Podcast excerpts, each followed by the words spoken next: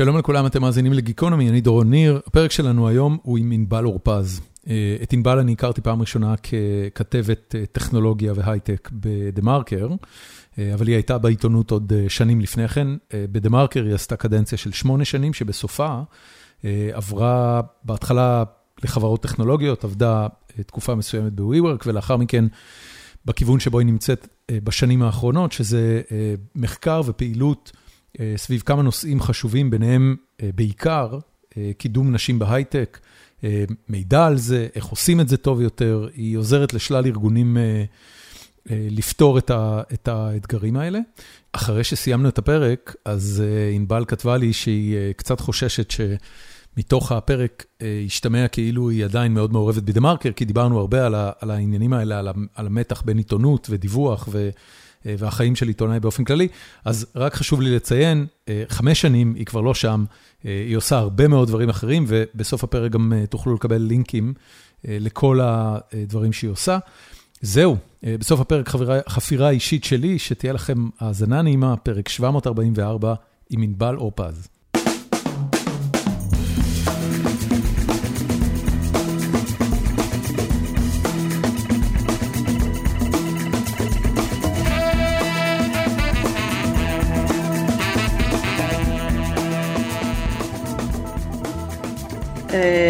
לא, הבוקר היה בוקר סבבה, קמתי, הלכתי לפילאטיס, נהניתי מהחיים בתל אביב, היה בסדר, ואז חזרתי ושמעתי על עוד התבטאות מאוד אומללה של אחת משרות הממשלה. מה זה היה הפעם? שהיא השוותה את צה"ל והשב"כ ומערכת הביטחון לכוח וגנר. הבנתי. כן. אני חושב שיש איזה עניין של פוליטיקת לייקים. ופוליטיקת לייקים היא בהגדרה פוליטיקה הרבה הרבה הרבה יותר קיצונית, כי לא רק עושים אופטימיזציה ללייקים, אלא עושים אופטימיזציה ל engagement. זה משהו שאת, כאילו זה משהו שמודעים אליו בארץ? האמת היא שאני דווקא מסתכלת על זה בעיניים מאוד אמריקאיות אני חושבת, או עם פרספקטיבה אמריקאית, ופוליטיקת לייקים נשמע לי קצת לתת הנחה לפוליטיקאים שלנו, אני מאוד חושבת על עידן טראמפ בתקופה האחרונה. וספציפית על שתי אנקדוטות שיצא לי להזכיר הרבה בהרצאות בשנים האחרונות, הרצאות כזה על העולמות של הדיסאינפורמציה והפוסט אמת ואיך כל ה... מה הביא אותנו לעידן הנוכחי, כן. ואז שתי דוגמאות ש... ש... שאני ככה כאנקדוטות מביא... מביאה להרצאות שכזה נראו אולי גם כזה רחוקות, אחת זה היה התבטאות של טראמפ ב-2019 שהוא לא אהב את הערכת מודיעין שהוא שמע מכל ראשי קהיליית המודיעין האמריקאית ואז הוא אמר The intelligence people should go back to school, כלומר צריכים ללכת לבית ספר, ביטל לחלוטין את המומחיות שלהם. והדבר השני זה האירוע המפורסם מההשפעה של טראמפ בראשית 2017 שסביב האירוע הזה פרסמו מידע שגוי בנוגע למספר האנשים שהשתתפו באירוע של ההשבעה ואז הלכה הדוברת מטעמו לגרסה האמריקאית של פגוש את העיתונות והיא אמרה לא זה לא שקר it's alternative facts זה כן, עובדות אלטרנטיביות. כן. ואיך, ואיך הדבר הזה מתקשר לפוליטיקה בישראל בעינייך? כי שני הדברים האלה קורים עכשיו בשיא העוצמה שלהם, גם הנושא של ביטול המומחיות ומעמד המומחים, אם הייתה התבטאות מהתקופה האחרונה של שר המורשת, שאולי המורשת שהוא ישאיר אחריו זה שהוא אמר שצריך את נגיד בנק ישראל לדחוף מהמדרגות, ואז לא התכוונתי, זה בעצם אמרתי את זה לפני ששתיתי את הכוס קפה של הבוקר, רק התפללתי ועוד לא שתיתי קפה, זה בסדר לדחוף את הנגיד, והוא כמובן לא היה הראשון שיצא נגד מומחים למיניהם.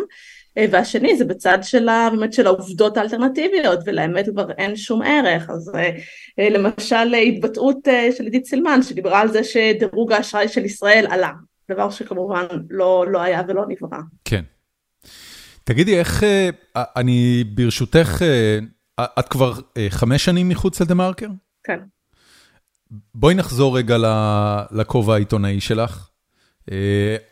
אני מאוד רוצה לשמוע יותר על התהליך של העזיבה של דה מרקר, או ההחלטה לעזוב את דה מרקר, אבל אני רגע אחזור לכובע העיתונאי. עיתונאים בישראל יודעים על מספיק מקרים שבהם דווקא הערכות המודיעין ואנשי המקצוע לא צדקו, וחשוב שלא היו מקבלים את דעתם, אני לא מדבר כבר על טרגדיות לאומיות כמו יום כיפור, אלא אפילו על הסיפור עם שטייניץ, ואם אני לא טועה, הכור הגרעיני בסוריה, שרק בזכות העקשנות שלו התגלה שהיה שם כור גרעיני, והערכות המודיעין התבררו כשגויות, אם אני זוכר נכון את הפרטים של המקרה. אני חושבת שתביא את המקרה של NSO והמשטרה, אבל... מהו לא, המקרה? לא, לא... אני מוכן גם לדבר על זה, אם זה, אם זה מקרה שאת מכירה יותר מקרוב. אני, אני בעצם רוצה לשאול, את יודעת, אנחנו מראש קיבלנו את טראמפ בתור דביל, כפי שהוא כנראה באמת. לא, לא דביל, אבל, אבל נרקסיסט, את יודעת, עם, תפיסת עולם משובשת. אבל באיזה נקודות... את בתור עיתונאית מסתכלת על אנשי המקצוע, מסתכלת על על האנשים שהם לכאורה אלה שקובעים את המדיניות בהתבסס על ניסיונם, ואומרת, תקשיבו, זה לא... זה זה שיט שואו מה שקורה פה.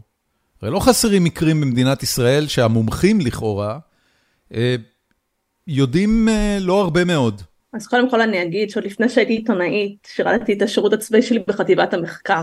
חטיבת המחקר אה, אפשר לומר שהיא חתומה על הפאשלה של 73 אה, ונכון לפחות למתי שאני הייתי חניכה ושגם הדרכתי את הקורס של החיילים והחיילות שהגיעו ליחידה תמיד היה תרגיל כזה שמזרימים את כל הידיעות שקדמו ל, ל, ליום כיפור ואז באמצע הלילה מעירים את החיילים ואומרים להם זה המידע שיש לנו, האם אתם מעלים התראה למלחמה או לא, ונכון לאותה נקודת זמן תמיד לא העלו את ההתראה וזה אתה יודע ללמדך איזשהו שיעור קצת בצניעות אה, כן. בקבלת החלטות וקריאה של לא, לא ידעתי שזה קיים הדבר המודיעין. הזה, זה, זה מהמם ממש. אז מה, אז מה עושים עם זה? עברו איזה שנה או שנתיים או הרבה יותר אה, מאז, okay. אוקיי. אבל אני חושבת, מבחינתי זה היה שיעור מאוד משמעותי, באמת תמיד תפקפקי בעצמך ותדעי את המגבלות שלך וזה מאוד ב-DNA באמת גם של, אתה יודע, של לחנך לסוג כזה של תפקידים של בסוף מחקר מודיעין למשל ועיתונות לקח לי זמן לעשות את החיבור הזה נכון כאילו המסלול הקלאסי לתקשורת הוא עובר בכזה במחנה או גלי צהל. משהו גלי צהל משהו מהיחידות כן. האלה ואז מגיעים לשם ולקח לי זמן להבין שבעצם יש דמיון גדול בין עבודה של חוקר מודיעין שהוא בעצם לוקח את כל חתיכות הפאזל, או לוקחת את כל חתיכות הפאזל, בונה את התמונה, יודעת שהתמונה היא אף פעם לא שלמה, היה לי לא, לשנה שעברה עבדתי עם איזשהו עובד מחקר, עוזר מחקר, סליחה, שהוא לא, לא הגיע מרקע מודיעיני, אנחנו לא יודעים את זה, איך אנחנו יכולים לומר, אמרתי לו, זה העניין, במודיעין אתה אף פעם לא תדע הכל, ואתה צריך להיות מודע לזה שאתה לא תדע הכל ועל בסיס זה לבנות את התמונה שלך. מהבחינה הזאת אני חושבת שהעבודה גם של אה, אשת המודיעין וגם של העיתונאית הן מאוד דומות, כלומר אתה תמיד, אתה, את מסתכלת על המציאות, את מנסה להבין, מנסה גם להבין את מה את לא יודעת. אה, אגב, אחד הדברים שאתה רוצה להבין את התהליך של החוצה, אחד הדברים שלי מאוד קשים בדרך החוצה מהעיתונות, זה ההבנה שגם תמיד את כלי משחק במשחק של מישהו, כן. ואת לא יודעת מה, מה המשחק שלו, ואת לא יודעת מה... זה באמת כל מה, כך מסובך? מה המטרה. זה מאוד מחובר, שמע, אני הייתי עיתונאית כלכלית, הזכרתי את ההייטק הישראלי הרבה מאוד שנים, כן. והייתי בתקופה גם שהעיתונות הטכנולוגית הייתה מאוד תחרותית, הייתי קמה בבוקר והייתי רודפת אחרי סיפורים, והמתחרים שלי בכלכליסט או בגלובס, גם כולנו היינו כל היום רודפים אחרי uh, סיפורים. ואתה יודע, והמידע הזה הוא מגיע מאנשים, מאנשים שהם חיים את התעשייה הזאת. את, ואתה מבין את שגם... ה, בכל האמירות שלך של הדקות האחרונות רק מאוששת את מה שניסיתי להגיד, וזה, אם, אם אשת ציבור נבחרת, אה, באה ואומרת, תקשיבו, אני, אני לא מקבלת את הדעה של אנשי המקצוע. אה, מתי, מתי זה לא בסדר ומתי זה, זה, אה, את יודעת, מתי זה התפקיד שלה? קודם כל בבסיס שלי אני כנראה בן אדם מודרניסט, אני חושבת שכן יש ערך למומחיות. אוקיי. Okay. כן, אם, אם אנשים הקדישו, ואני חושבת שנגיד בתקופת הקורונה זה גם היה מאוד בולט בהקשרים הבריאותיים, נכון? פתאום כולם נהיו אפידמיולוגים. לא, יש מעט אנשי מקצוע שהם יודעים איך הדברים מתנהלים, ו, וגם ביניהם מן הסתם היו חילוקי דעות. אה, בסופו של דבר אני חושבת שמה שנמצא בבסיס של הדברים שציינו עד עכשיו והרבה דברים אחרים שמעסיקים אותי וזה יכול להיות בעולמות תוכן מאוד אחרים זה כל הנושא של חשיבה ביקורתית. אנחנו לא צריכים לקבל דברים כפי שהם, אנחנו צריכים תמיד לשאול שאלות, תמיד להטיל ספק. אם אנחנו אפילו נחזור לערכים הכי בסיסיים של, של דמוקרטיה ליברלית או של ליברליזם, שזה נושא שמאוד מעסיק אותי ועוד אה, המוני ישראלים שיוצאים כל שבוע להפגין עכשיו, כן. בבסיס של זה עומד העניין שאנחנו צריכים להטיל ספק בשלטון, אין שלטון אחד יחיד שיודע הכל, אנחנו צריכים לשאול שאלות ובגלל זה אנחנו גם לא, יהיה לנו מאוד קשה להתאחד סביב אה, מנהיג או מנהיגה אה, אחד או אחת שככה הם אה, יסחפו אותנו אחריהם, אבל יש באמת איזשהו מתח שצריך להיות מתח בריא, שאומר כאילו אוקיי, בוא נשאל אותך שאלות, אוקיי, את, את אומרת שזו העמדה שלך בתור מומחית, אוקיי, למה? על מה את מבססת את זה? מה זה עוד יכול להסביר? אולי אנחנו צריכים לשאול את השאלות ואתה יודע, להיות במסע לחקר האמת. ובסוף אני חושבת שגם אנשי מודיעין, גם עיתונאים, גם הרבה אנשי מקצוע אחרים, בסוף הם אנשים שמקדישים את חייהם לחקר האמת, ללהבין עוד יותר. ככל שאתה מבין יותר, אתה מבין גם כמה אתה לא יודע. אוקיי. Okay. אז, אז את בעצם אומרת לי, התפקיד של עיתונות במקרה כזה היא לא... אה... לא לקבל את דעתו של המתנגד למומחים ולא לקבל את דעת המומחים, אלא לשאול עוד שאלות ולהעביר את המידע? אני לא בטוחה שאני יורדת לסוף דעתך לגבי, אתה יודע, בשאלה הזאת, אה, אני אקח, אז אני אקח את זה ברשותך רגע ל, בטח. ל, לכיוון אגב, אחר. אגב, ענבל, אמ- אמרת כבר, אני חושב שזו פעם שנייה בפרק שאת אומרת ברשותך. זה לא כזה שיחה, כאילו בואי, עזבי, אם צריך, לכי תעשי כוס קפה, תביאי סודה, בואי... האמת היא שבאתי איתי כוס יין. מעולה, או, אז בואי נשתה אותה. אני עוד עם הקפה של הבוקר, כי אצלי 11, אבל לחיים. לחיים.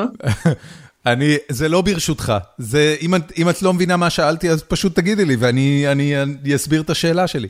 מה, מה שבעצם התכוונתי זה, אם, אם התפקיד, אם את חושבת שהתפקיד של העיתונות, הוא לא לדבר משום פוזיציה, אלא פשוט לתקשר את האינפורמציה כפי שהיא נמסרת על ידי שני הצדדים. אז קודם כל אני כופרת במושג האובייקטיביות. אוקיי, אז, אז תמיד יש פוזיציה. תמיד יש פוזיציה, אנחנו בני אדם, אין דבר כזה. כלומר, אנחנו עכשיו, אה, דוגמה הכי קלאסית זה לתחזית מזג האוויר. לכאורה היא אובייקטיבית, נכון? לא, אבל גם שמה, אני קודם אני אגיד את ירושלים, או קודם אני אגיד את תל אביב, אני אתן דגש על דברים מסוימים, אפילו סביב האירוע הזה שכאילו לכאורה, הנה, אני אעשה לך חידון, האמריקאים מערוץ התקשורת שזוכה באמינות הכי גדולה אה, על ידי האמריקאים, גם רפובליקנים וגם דמוקרטים. ניו יורק טיימס? תנסה שוב. אין לי מושג.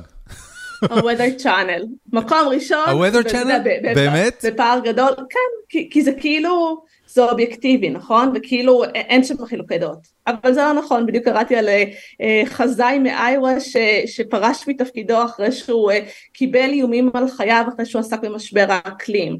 או דוגמה אחרת, עולם כזה שעכשיו מאוד מעסיק אותי העולם של משבר האקלים, אה, בצרפת ערוץ טלוויזיה שהחליט להפסיק לקרוא לזה תחזית מזג האוויר, אלא הוא קורא לזה תחזית אקלים ממזג האוויר, או הכניסו איכשהו, לא יודעת בדיוק את המילים, אבל הכניסו את המילה אקלים פנימה כדי לדבר על משבר האקלים. אז בכל אמירה שלנו, בכל מעשה שלנו, אה, תמיד אנחנו נוקטים איזושהי עמדה, אנחנו באים איזשהו אה, מטען קודם, עכשיו יש נושאים שזה לכאורה פחות דרמטי, נכון? אם אני עכשיו מדברת על מזג האוויר, אוקיי, זה כנראה משהו שמעורר פחות אמוציות רוב הזמן. אם עכשיו נדבר על אה, ההפיכה המשטרית, עצם זה שקראתי לזה ההפיכה המשטרית ולא הרפורמה נכון. המשפטית, כבר נקטתי עמדה. אוקיי. Okay. אה, אז בחודש מאי השתתפתי בסמינר בגרמניה, אה, שהגיעו אליו משתתפים ממעל 25 מדינות, שעסק בחופש העיתונות ודיסאינפורמציה. שנכון שאני כבר לא עיתונאית כמה שנים, אבל אני החיבור הזה והעולמות האלה עדיין נמצאים עמוק בתוך העשייה שלי ואחת המסקנות המאוד ברורות שחזרתי איתה וזה היה סמינר ארוך ומעמיק, ככה 12 יום שישבנו וחפרנו ואנשים ממש, זה היה ממדינות יותר פופוליסטיות, פחות פופוליסטיות, זה שאין אובייקטיביות, ואנחנו צריכים להוריד את זה מהשולחן, להפך, אם אנחנו ניכנס לדיון ואני אגיד לך דורון תקשיב, אני אישה תל אביבית, רווקה, אה, שיוצאת להפגין כל שבת, אני אה, מתפרנסת מעולם ההייטק, זה, כלומר אם אני אבוא ואני אתן לך את כל, אתה יודע, המטען שאני מביאה איתי לתוך השיחה, יהיה לנו הרבה יותר קל דווקא לנהל שיחה שאומרת אוקיי, הדברים עכשיו על השולחן, אני לא מסתירה את מי שאני, זה נראה לי נורא מצחיק נגיד, אתה יודע, בפאנלים בטלוויזיה, שכאילו אין עמדה או שמסתירים את העמדה, לא, כל אחד מהאנשים שם יש לו עמדה או יש לה עמדה, וזה בסדר גמור רגע לשים בפרונט, להגיד, הנה, הנה הגילוי הנאות, הנה העמדה שאני באמת מאמינה בה. את יודעת, אני, אני רגע אקח אה, נושא שהוא אה, מאוד שנוי במחלוקת, ושעל הבוקר אה, ביליתי זמן בלקרוא את העדות של מילצ'ן. את חושבת שיש משמעות לזה שבאולפן, דני קושמר או, או, או כל אחד אחר מהמגישים, יבוא ויגיד, אני חושב שנתניהו אשם, אתם צריכים לדעת את זה לפני שאני מעביר את הידיעה הבאה, והנה הסיקור של המשפט שלו. אז, אז על זה דווקא לא פתחתי טלוויזיה ולא ראיתי את, הסיקור, שמעתי את זה, זה, זה פנטסטי. ברדיו, במהלך היום רוב הזמן אני הגעתי לגיל שאני שומעת רשת ב' אה, רוב היום. Okay. אוקיי. כן, היה לי הרבה יותר קל אם הוא היה בא ואומר, אה, זו עמדתי, אני חושב ששמה, ועכשיו על בסיס זה, בוא, עכשיו, יש... גם אחד הדברים שהוא מאוד התשתש בשנים האחרונות והרשתות החברתיות מאוד תורמות לזה ו- ודברים אחרים בתקופה שאנחנו חיים בה זה שכבר ההבדל בין עובדות לבין פרשנות הוא הלך והתשתש. אוקיי. Okay. כלומר אנחנו יכולים לומר מילצ'ן זה מה שהוא אמר בעדות שלו אלה הנקודות אליהן הוא התייחס ועכשיו בוא, בוא נפרש את זה וכל אחד מאיתנו בפרשנות הוא יבוא ו- ויפרש את זה. עכשיו, יש אתגר אחר בתקופה הזאת, שלפעמים אני חושבת שגם על העובדות אנחנו לא מסכימים, כלומר שבקיצון אני אגיד בחוץ יש אור, ואתה תגיד לא, בחוץ יש חושך, ולא בגלל שאנחנו באזורי זמן אחרים, ואולי כן, זה גם כן, פיזית כן. יכול להיות נכון באותו זמן, אלא אני חושבת שכאילו, אנחנו, על העובדות הבסיסיות לפעמים, בתקופה הזאת אנחנו לא מסכימים. אבל אנחנו צריכים לחזור גם, שני דברים או שלושה דברים שכבר ככה נגענו. מה הייתה המסקנה מה, מהכנס הזה של ה-12 יום שהיית בו? עם מה, יצאת מזה? חוץ מזה שכולם מדברים מפוזיציה. וואו, הרבה, הרבה תובנות, מעבודת העיתונאים, אתה יודע, בעידן הזה, והצ'אט GPT, והעולמות שזה, זה, זה, זה, משנה, זה הולך לשנות את המקצוע בדרכים שלא יאמנו. אגב, אני מצטערת שלא היו יכולות כאלה בתקופה שלי, זה חוסך לי הרבה מאוד זמן, ומפנה לי זמן לדברים החשובים. אה, סוגיות שקשורות אה, לאתגרים הכלכליים, אנחנו מדברים הרבה פעמים על האתגרים הכלכליים של התקשורת, שזה גם חלק ממה שהביא אותנו לפה, סתם כאנקדוטה, לכמה גופי תקשורת בישראל יש שם מחלקות תחקירים. תחקירים זה משהו נורא יקר, הוא לא מאוד מביא רייטינג, פשוט לא עושים את זה כבר. כן.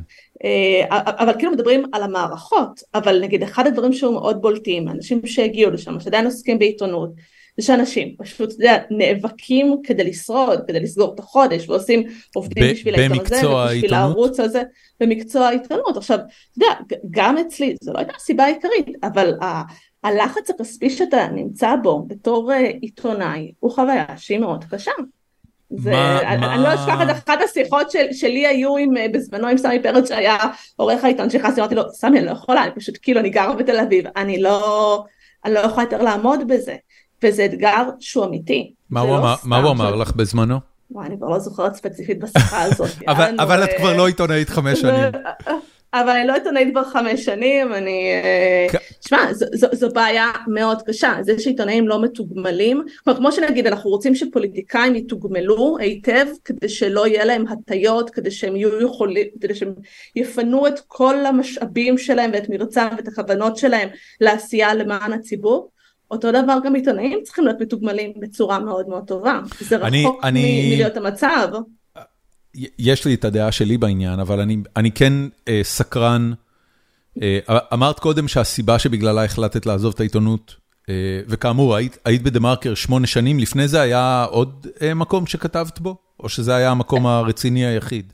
הבית ספר הראשון שלי תקשורת היה בעכבר העיר. אוקיי. זו תקופה קצרה, אבל זה, אתה יודע, עיתון, ועיתון כזה שגדלתי עליו, ומאוד אהבתי, אה, שם מגיע הביתה כל שבוע, כזה קטן וחמוד, תנ"ך של הבילויים. אז זה כאילו המפיקה של עכבר העיר, זה היה תוך כדי תואר ראשון בכלכלה ובקולנוע. אה, וזה אפשר לי ככה הבנה לאיך עובדת מערכת ומה התפקיד של כל אחת מהפונקציות וזה היה פרינט, היה לוח זמנים מאוד סדור, מה עושים ביום שני ומה עושים ביום שלישי ואז יורד העיתון, זה היה עולם של עיתונות מאוד אחר אבל היה בית ספר מאוד טוב ללהבין איך זה עובד אה, ומשם נכנסתי לדה מרקר ואין סיבה אחת שבגללה עזבתי, זה היה שילוב של סיבות, קודם כל העקומת למידה, כשנכנסתי לתפקיד ונכנסתי לתפקיד גם בגיל מאוד צעיר הרגשתי שאני לומדת המון ומתפתחת וככה כל יום היה משהו חדש וגם בציר של הניוז שכמו שאמרתי היה מאוד תחרותי וככה מאוד הייתי עסוקה בזה אבל גם בציר שזה העולם גם שעד היום אני מתעסקת בו של החיבור של כלכלה חברה וטכנולוגיה בעיניי זה, זה עולם מרתק וחשוב שנוגע בכל כך, אני לא אגיד הכל, אבל בכל כך הרבה דברים שקשורים לחיים שלנו, אז העיסוק שם היה מאוד משמעותי, אבל הגעתי ועקומת למידה הייתה ככה, ואז היא כזה, אני עושה עם היד כזה את השיפוע שהולך ונהיה שטוח, ופחדתי שהשלב הבא, אתה יודע, זה כבר all the way down. אה, מה, מה, זה, מה, זה, מה זה התחושה שעקומת הלימוד נהיית שטוחה? כאילו, בכל מקצוע, אה, באיזושהי נקודה את כבר מספיק בקיאה ושולטת בטכניקה של העשייה, אה, כדי שזה יהיה סוג של טייס אוטומטי, ואז כל מה שנשאר במקצוע העיתונות זה בעצם החדשות, יום-יום. את יודעת, אנשים כמו אה, דרוקר או, או עמית סגל, אני לא יודע אם עוד יש להם איזה שהם פסגות מקצועיות לטפס אליהם, הם שם, הם על הפסגה. ואז השאלה היחידה היא, כמה שנים אתה רוצה עוד להמשיך את זה? למה לא בעצם להמשיך? זה, כי, כי זה לא פרנסה טובה בנקודה הזאת? אז אני אשאיר לדרוקר ולסגל לענות על, ה, על הסיבות שמשאירות אה, אותם במקצוע, למרות שאני לא חושבת שהם היוצאי דופן, אני לא חושבת שהם אה, מעידים על הכלל. שאלת על התחושה, התחושה הייתה שאני מרימה טלפון למרואיינים, ואני יודעת מה הם הולכים להגיד לפני שהם יגידו את זה, וגם יודעת לומר את זה בצורה יותר טובה. ו- ו- בר... וזה לא רגע שבו את, uh, את לוקחת את זה צעד קדימה ואומרת, תקשיב, בוא, אני לא הולכת לכתוב את הבולשיט הרגיל, בוא נדבר תכלס. מה החברה שלך עושה, מה הטכנולוגיה, כמה הכנסות, כמה לקוחות, או, או שיש פה אייטם, או שאין פה אייטם. אתה יודע, זו שאלה של סגנון, בעיניי כאילו סבבה, אז עכשיו הוא יגיד, ויגיד, זה המספרים באמת, זה עדיין כבר לא היה מספיק מעניין, אמרתי, האזורים של... קודם כל, ה news, עולם של news ו news תחרותי הוא סופר שוחק. הבנתי. רק אחרי שעזבתי את דה מרקר, ועזבתי את דה מרקר, הצטרפתי ל Wheel, זו הייתה תקופה קצרה, ואז יצאתי לאבטלה, והיה לי איזה רגע כזה לנשום, to settle down, כי גם היה לי תקופה של שנתיים כזה על הקו ישראל לניו אה, יורק, אה, ופשוט הרגשתי שזה אוטו נוסע נכון ואז נשארים לו האדים של הדלק עוד קצת לנסוע על העדי דלק אני הרגשתי שלמעשה כבר נגמרו העדי דלק המשכתי לנסוע ופשוט כבר לא הייתי שחוקה לחלוטין. כן. עכשיו בעיה של שחיקה בעבודה זה בעיה מוכרת גם המתח שהייתי בו, אני ישבתי בתוך תעשייה שהלכה והתכווצה, אה, בתקופה שעבדתי בדה-מרקר. את מדברת על העיתונות כמובן. כן, כן. לא ההייטק שסיקרת. לא, בדיוק הפוך, זה, זה המתח שהיה, ישבתי בדה-מרקר, העולם של העיתונות הלך והתכווץ, שני סבבי פיטורים מאוד גדולים שקרו בתקופה שהייתי שמה, אה, אני חושבת שהגעתי למערכת היינו חמישה אנשים בגדול שהתעסקו בעולם תוכן של ההייטק ואז היו איזה שנתיים שנשארתי לבד. עכשיו מה שקרה בתקופה הזאת בהייטק זה היה בדיוק המגמה ההפוכה. כלומר אם אנחנו נעשה זום אאוט בכלל, אתה יודע, כבר למעלה מעשור ההייטק הולך וגדל וגדל וגדל וכל שנה יש לך יותר גיוסים ויותר עובדים חוץ מהשנה וחצי, השנה האחרונה נגיד, כן. אבל עד לנקודה הזאת הכל הלך וגדל וגדל וגדל וגדל ועומס העבודה הוא היה בהתאם, אז, אז אותה תחושה, כלומר לא סתם אני אומרת חבל שלא היה לי בינה מלאכותית שיכלה לקצר לי תהליכים, ניסיתי להכניס אוטומציות וחדשנות בתוך העבודה העיתונאית, אבל הכלים היו אז הרבה פחות uh, משוכללים ממה שיש עכשיו. אוקיי, okay. ואז ב timeline של השמונה שנים, כמה, כמה זמן לפני השנה השמינית uh, החלטת לעזוב? Um, ב-2014 הייתה לי נקודת, התחלתי לעבוד שם בסוף 2010, ב-2014 הייתה לי סוג של נקודת שבירה שניסיתי להבין מה אני עושה ואז הלכתי גם ל-ETS, מה היה ברור לי שאגב שהצד הבא הוא לא בתקשורת.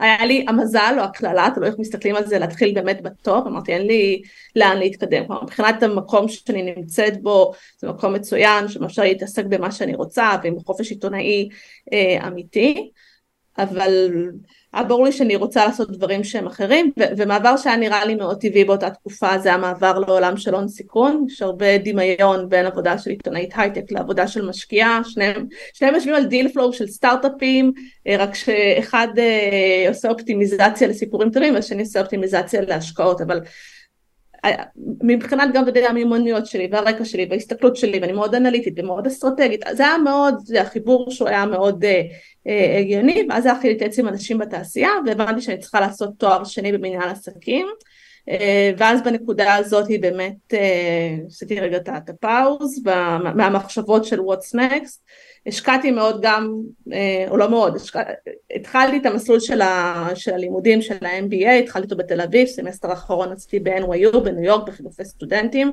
שזו גם הייתה חוויה מאוד טובה ומעניינת ולהיות שם בתקופה שטראמפ עלה לשלטון, אם אני חוזרת לתחילת השיחה שלנו. כן. אה, וגם הייתה לי, אני חושבת, פריצה והתקדמות מאוד גדולה בתור עיתונאית, וגם זו הייתה תקופה שמאוד השקעתי בלבנות את עצמי מול הקהל של העוקבים, בעיקר בפייסבוק שהיה חזק אה, באותה תקופה, להייטק, אגב העיתונאים כולם היו בטוויטר, יודעת, אני בפייסבוק כי ההייטקיסטים שהם הקהל שמעניין אותי לדבר עליו, הם בפייסבוק, אה, וקרו דברים מעניינים, ובשנה האחרונה שלי בדה מרקר הייתה לי הזכות גם לעשות עבודה שהייתה יותר אסטרטגית ברמה של המערכת ולהבין איך לוקחים את, אתה יודע, את המדור הייטק אה, לשלב הבא ולחשוב על מוצרים חדשים ובאותה תקופה למשל אה, מהלך ש, שהובלנו, הוא יחד שני, היום זה נשמע טריוויאלי, אבל נגיד, היינו המדור הראשון שפתח קבוצת פייסבוק כדי לתקשר עם הקהל שלו, ככה לייצר engagement בעולם של דיגיטל. על איזה שנה אנחנו מדברים?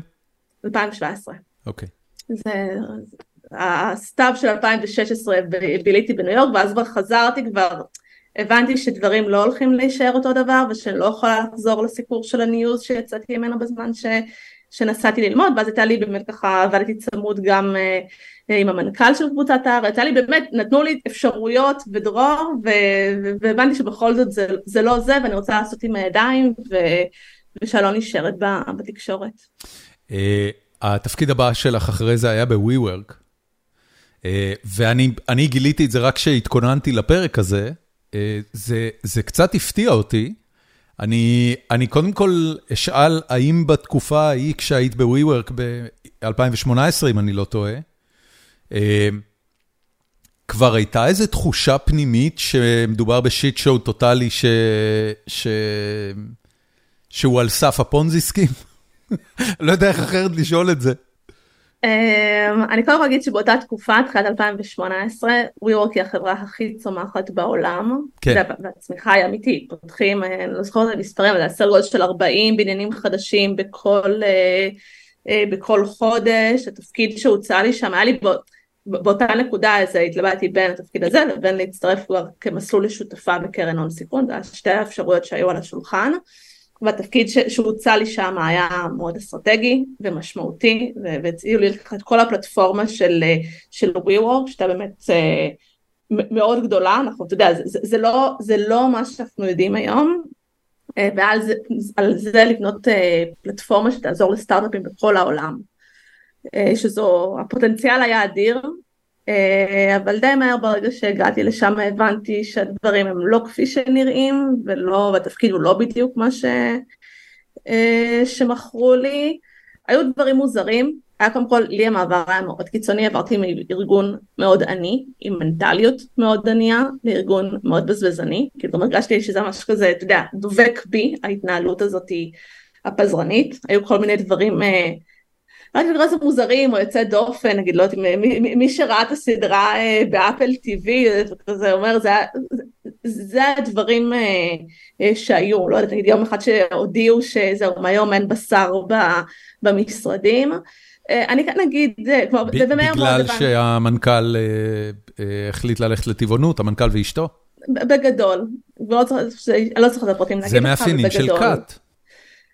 קודם כל היו מאפיינים של כת, אה, אבל אני כן אגיד, אה, אתה יודע, לזכות ווירוק כולה, אתה יודע, אולי כדי רגע לתת איזושהי קונטרה לכמה שהיום אוהבים לחוות בהם, העולם של, ה, אתה יודע, של ההייטק, והתעסקתי בזה אגב גם בזמנות בדה מרקר, הוא מאוד בנוי על האתוס הזה של fake it till you make it. עכשיו אתה יודע, אם הסיפור נגמר טוב, אז לאף אחד לא אכפת שאתה יודע, זייפת את זה לאורך כל הדרך ואולי זה פתאום גאוני ואפילו כאילו סתם נגיד המהלך הזה בפני עצמו של לא להכניס אה, בשר לחברה. היום אנחנו עמוק בתוך השיח אתה יודע של אקלים ומה עסקים יכולים לעשות כדי uh, לתת מענה למשבר האקלים. עכשיו ההחלטה בפני עצמה נגיד שאני נגיד בתור מעסיקה לא uh, באירועים של החברה אני לא מזמינה בשר היא החלטה ערכית נכונה היא החלטה סביבתית נכונה זה לא כאילו בפני עצמו נגיד הדבר הזה הוא לא דבר כזה מטורלל, הוא דבר שהוא, שהוא לא בסדר. אז היו שם, אני חושבת שזה כאילו, צריך לנקות קצת את הרעש ולהבין מה היה ומה לא היה, אבל במבחן התוצאה אני מהר מאוד הבנתי שזה לא בשבילי. הייתי חלק מהצוות שהקים את WeWork Clubs בניו יורק, אז ישבתי שם קצת תקופה, חזרתי לארץ, פתחתי והקמתי את הפעילות של WeWork Clubs פה בישראל, זו תוכנית יזמות, שאתה יודע, יזמים אמיתיים, עזרה אמיתית, זה לא, אתה יודע, קל נורא לבטל את הכל, אבל לא, היו גם הרבה דברים מאוד טובים ויפים שקרו שם, וכך גם אה, מי שהבאתי אחריי שתחליף אותי הצמיחה את הפעילות הזאת, ואתה יודע, וזה נתן מענה אה, לעוד יזמים, אבל אני, אני מהר מאוד אה, יצאתי משם, ו, ו, ו, וכאמור, הדבר הראשון אחרי זה זה היה אבטלה, ורגע שנייה לנשום ולעצור, אה, ומשם כבר יצאתי לדרך עצמאית.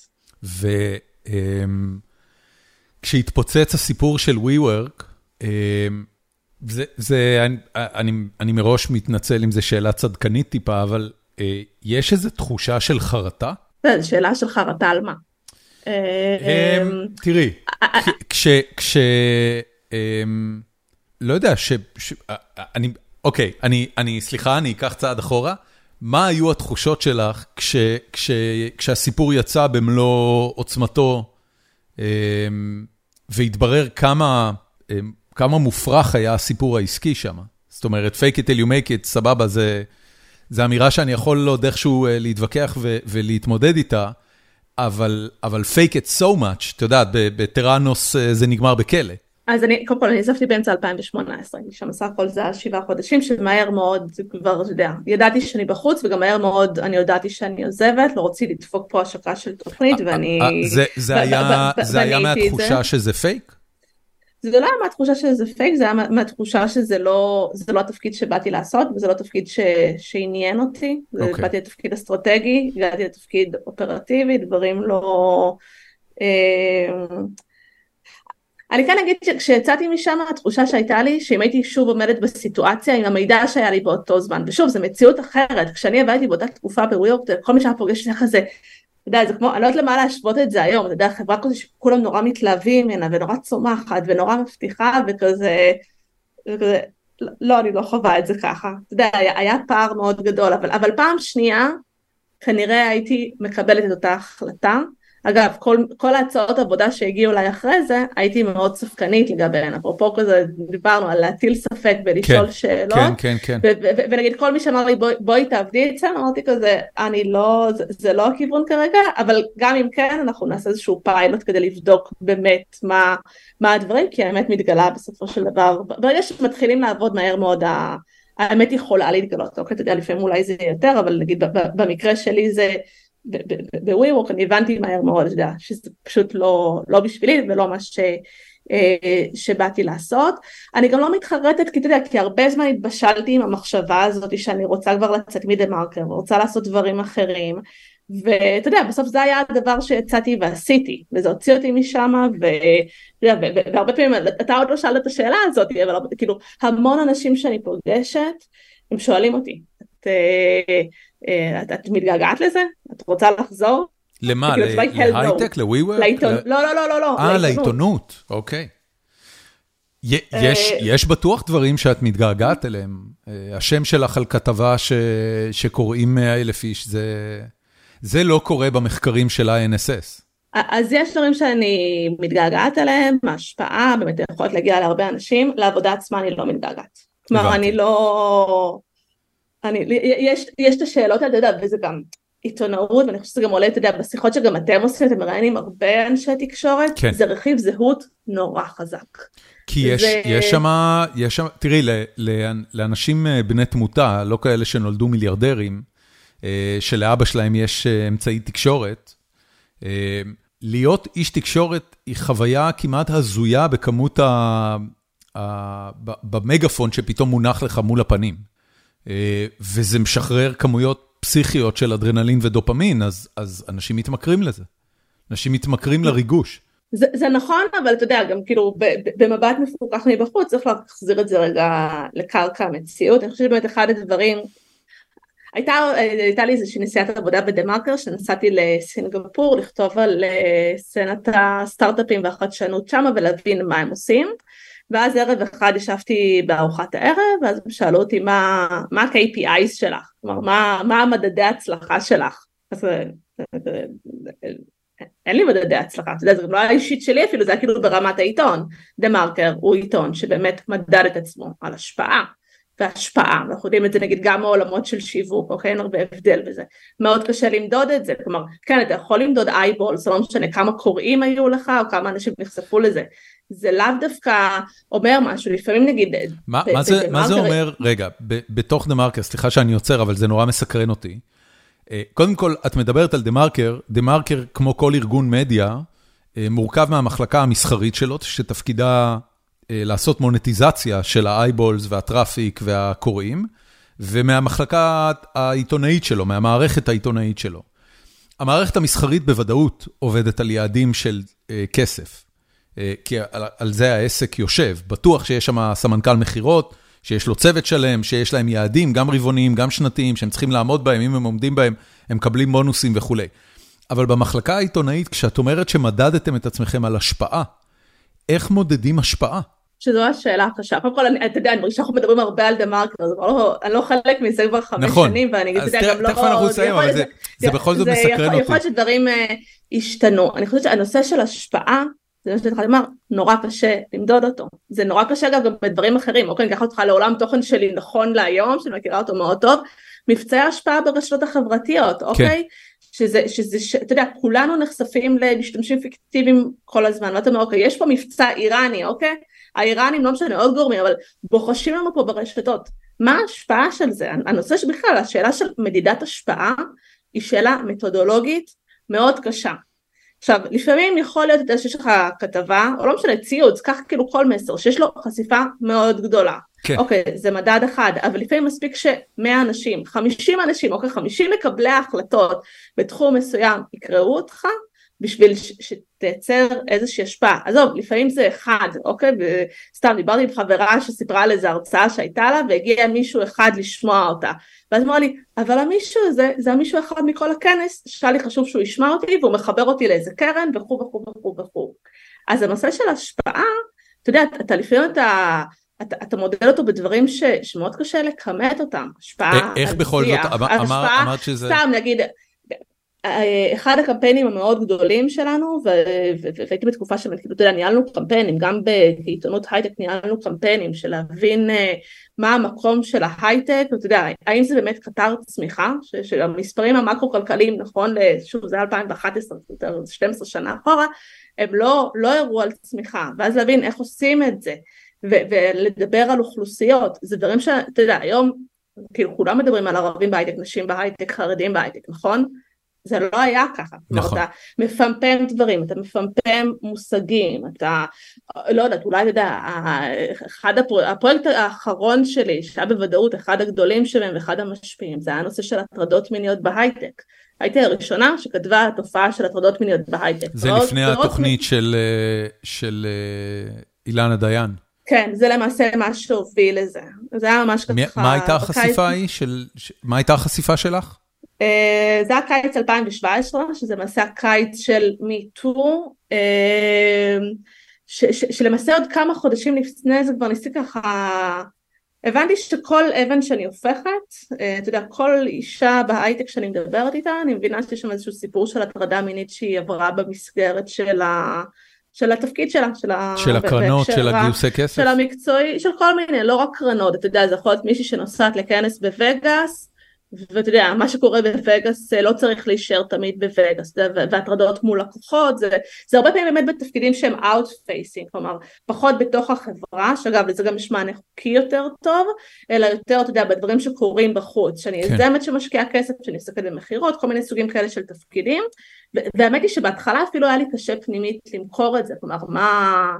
מה, מה הסיפור בעצם? אוקיי, יש הטרדות מיניות, ואז התחיל הגל בעולם של ההטרדות המיניות והיה אה, כתבתי כתבה למעשה על, ה, על הסיפור של אה, הטרדות מיניות בהייטק. עכשיו, זה היה שלב כל כך ראשוני ומוקדם של, ה, זה היה, של זה היה סביב הזה. הפרסום של, אה, של מסיבות החשק של הסטארט-אפים בסיליקון וואלי, או שזה היה כבר משהו מקומי בישראל? זה היה משהו מקומי בישראל, עכשיו אתה יודע, חלק מה... מה זה, ההייטק התעשייה הגלובלית גם ההטרדות המיניות הן גלובליות זה יכול להיות אני משקיעה שנוסעת לגייס כסף מ-LPs ואתה יודע וזו סיטואציה שקורית מול LP אמריקאי כן. זה הדברים האמת היא שחלק מהעדויות הם היו באמת דברים שהם פיזית קרו מעבר לים אבל של נשים ישראליות והייתה כתבה מאוד גדולה שהתפרסמה בעיתון אה, שישי שהביאה מקבץ של, אה, של עדויות שזה היה לומר זה לא קורה רק במשטרה, זה לא קורה רק בצבא, גם בהייטק הנאור זה קורה,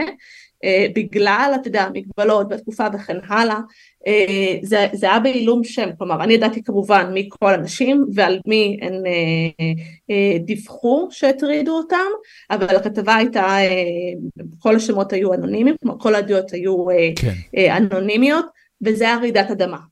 זה היה, אנחנו ככה לפני שיצאה הכתבה הגדולה יצא איזשהו טיזר וקיבלתי טלפונים ממשקיעי הון סיכון שאמרו לי אל תפרסמי את זה ובגללך משקיעים לא יפגשו יזמות ו- ולחצים מאוד גדולים אתה יודע לא, לא לפרסם את זה וזה לא קורה או זה בשוליים או כל מיני דברים כאלה. אני כן אגיד לסיפור אותם אנשים כמה טלפונים ש... כאלה קיבלת? הרבה, הרבה. זה היה באמת זה סיפור שעשה המון המון רעש והמון אה, לחצים. אתה יודע זה, זה, זה גם בצד החיובי של זה, אתה יודע, המון אבות לבנות שהם קשורים לתעשייה, זה, זה המשתנה המסביר הכי חזק של למי, אתה יודע, יש איזשהו מקום אה, מאוד, אה, חיבור מאוד חזק לנושא הזה, אתה יודע, כזה, שבאו, תגידי לנו מה לעשות, אוקיי, הבנו, יש פה בעיה, תגידי לנו מה לעשות, וגם חלק מאלה, אתה יודע, שהפעילו את הלחצים נגד זה, בדיעבד באו ואמרו, את צודקת, טעינו. הבנתי. אה, אבל זה באמת היה אה, שינוי של שיח, זה היה אירוע שהיה מאוד גדול, וכעבור אה, חצי שנה הייתי בניו יורק, הייתי בווי יורק, אני מקבלת טלפון מעובדה שמדווחים לי שרוצים להודות לי, כי למעשה הכתבה שלי התחילה לגלגל את כל הסיפור הזה, ש... מפרסמים תחקיר, רמי ברכה, איש הון סיכון, באותה תקופה אה, מקרן פיטנגו, אה, ששכר אה, חוקרים פרטיים לעקוב לכאורה אחרי חלק מהמוטרדות וחלק מהעיתונאיות שמסקרות את התחום, שזה היה אני ושרון שפורר והדס שטייף. ואז כמה שעות אחרי זה ראיתי את הכתבה שבעצם השם הגדול שריחף עליה זה היה השם שלי, שתעקבו אחרי ענבל אורפז מדה מרקר, יש לה משהו. אמ, וזהו, שמע, התופעה אותי לצערי עדיין קיימת. זה... מה, מה, עכשיו זה כמובן הרבה יותר אה, אה, ידוע ומוכר ונפוץ, וכמה אה, זה עדיין קורה? אין לי תשובה על זה, כי אנחנו לא יודעים. התשובה היא שאנחנו לא יודעים, כי אין סיבה לנשים ללכת ולהתלונן. 85% מהתיקים במשטרה בתחום ההטרדות המיניות פשוט נסגרים, או מחוסר ראיות או מחוסר עניין לציבור. אז אם הוטרדתי אין לי שום אינסנטיב ללכת ולהתלונן במשטרה.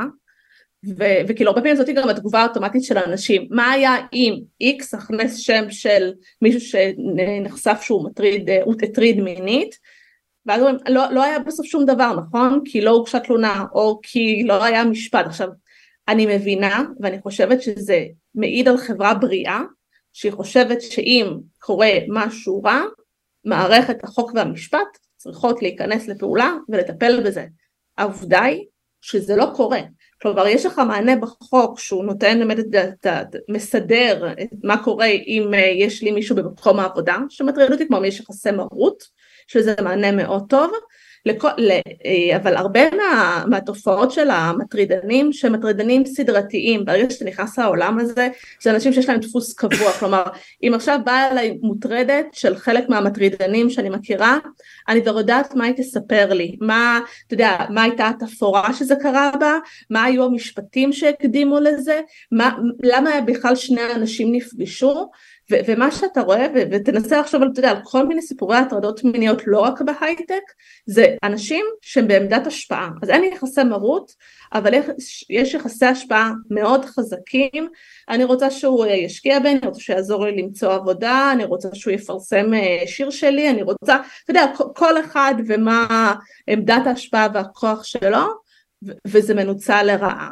עכשיו הבעיה היא שבאמת בגלל שאתה יודע בעידן זה, זה הברכה והקללה של עידן המיטו והרשתות החברתיות וזה שאתה יודע הטריבונל עבר לפייסבוק או לטוויטר ולא לבתי המשפט שבאמת המעגל לא נסגר. המטרידנים ומי שבסביבתם אוקיי? יש בי עדיין המון כעס על המערכת ועל זה שאתה יודע גם בסיפורים שקשורים אליי שאנשים שהם היו במעגל הראשון של זה ואפשרו את זה לא התנצלו זה, זה, זה אף פעם לא קורה. למה, למה ההתנצלות חשובה? הרי בחלק מהמקרים שחשפת, האנשים אה, נענשו עד לרמה שהקריירה שלהם ירדה מהפסים. אה, כמובן אה, ביוש בפני כל החברה, הנשים שלהם, המשפחות שלהם וכולי. מה, מה החשיבות של ההתנצלות? יש נושא של לקיחת אחריות. אוקיי. אני חושבת שזה חשוב לומר. זאת אומרת, זה לא בהכרח ההתנצלות, מבינים... זה לקיחת אחריות, מה שאת אומרת. אנחנו מבינים שנעשה פה משהו לא בסדר, כן. אנחנו מתנצלים, זה לא היה צריך לקרות, זה okay. אוקיי. לא, זה, זה, אתה יודע, גם בדרך כלל, זה לא שאף אחד לא יודע, אוקיי? זה לא, זה, זה לא הסיטואציה הזאת. עכשיו באמת גם יש בעיה, בגלל שלא נסגר המעגל, ויש סיפורים שהם גם לא נחשפים, אוקיי? סיפורים שאני יודעת, והרבה נשים אחרות בתעשייה יודעות, והרבה גם אנשים אחרים שכבר יודעים, אבל אף גוף תקשורת לא, לא הצליח או לא רצה לקום ולפרסם את זה, מסיבותיהם שלהם, בסדר? אבל אנשים ממשיכים להסתובב, ואתה יודע, בסיטואציות נורא קשות. אני יכולה לספר כאן ש, ש, שלאחרונה ראיתי הזמנה לאירוע, שאחד הדוברים שמה זה בן אדם שאני יודעת שהוא הטריד מינית נשים בתעשייה, שניצל שוב את עמדת ההשפעה שלו כדי להטריד נשים בתעשייה. ו- ואיתו בפאנל יושב מישהו שאני יודעת שהוא יודע שהאיש הזה הוא מטרידן. עכשיו, ואז השאלה, אוקיי, מה אני עושה עם הדבר הזה? מה באמת לא את עושה? שה... אני לא חושבת שהבן אדם הזה צריך לקבל במה. עכשיו, במקרה הזה אני אפילו לא יכולה לבוא ולומר, אתה יודע, אתה אומר יש ביוש וזה, במקרה הזה אפילו לא היה את הביוש במרכאות כפולות, אתה יודע, את החשיפה, כי, כי זה לא שבו, לא נחשף. הפורום שבו הוא עומד לדבר הוא פורום שקשור באיזושהי צורה ל... למעמד האישה או לנשים בהייטק, או שזה סתם פורום לא, שהוא לא, הולך לדבר? לא, פורום מקצועי. פורום מקצועי. פורום, פורום מקצועי הולך לדבר באירוע בנושא מקצועי. ואתה יודע, ויש חברות שהן נותנות חסות ויודעות שאותו בן אדם אה, הוא מטרידן, ועדיין לא מבטלות את החסות שלהן לאירוע. בסיטואציה נורא נורא קשה. והתמודדות שהיא מאוד קשה, אתה יודע, וזה דברים שהם קורים מאחורי הקלעים, אתה יודע, וזה כזה, קצת כזה על העיתונות, ואתה יודע, ומה הכוח של ההשפעה, כן, אז, אז יש הרבה דרכים להשפיע ולעשות תיקון עולם ו, ולייצר מציאות שהיא, שהיא טובה יותר. מה, מה, לד, מה לדעתך, מה לדעתך, מה לדעתך המצב הרצוי? אני חושבת שהפתרון פה הוא בסוף משפטי, כלומר צריך לייצר ערוץ שבאמת נשים יוכלו ללכת להתלונן ולהגיש תלונות, ויש את האפיק הפלילי ויש את האפיק האזרחי שאפשר ללכת בשניהם ושיאמינו להם ושהתהליכים יהיו מכבדים. עכשיו נעשים כל מיני מאמצים בתוך המערכת לשפר את זה, אני חושבת שכאילו העולם בכלל של הטיפול של מה שקורה... בתוך המערכת את מתכוונת למערכת המשפט והמשטרה או כן. בהייטק ו-HR? כן, לא, לא, לא, לא, לא, לא, במשטרה. אוקיי. בצד, אתה יודע, המשפטי, או בצד של אכיפת אה, החוק, זה עדיין לא מספיק טוב. זה עדיין, אני לא, לא מכירה כמעט נשים שהלכו והתלוננו. כלומר, זה, זה היוצא דופן שמישהי תלך ו, ותתלונן, חבל על הזמן שלי, חבל שאני שוב, אני לא רוצה שוב לעבור את החוויה הזאת, אוקיי, חוויה של חקירה, לא עברתי חקירה, אבל אני מאמינה לכל מי שמספרות שזו חוויה שהיא לא נעימה, ובסוף זה גם, אתה יודע, זה לא מוביל לשום דבר, אז כן. למה שאני אעשה את זה? ו... וזה בעיה, כי זה חוזר לזה שבאמת הציבור רוצה לראות את המשפט הצודק, שזה משפט, שוב, זה תופעה של חברה בריאה, חברה בריאה שסומכת על מערכת החוק והמשפט ואני שמה בצד את כל הפוליטיקה של עכשיו, ו, ואומרת אני רוצה שמערכת המשפט, אם, אם מישהו עשה משהו לא טוב, אני רוצה או רוצה שהוא יענש עליו.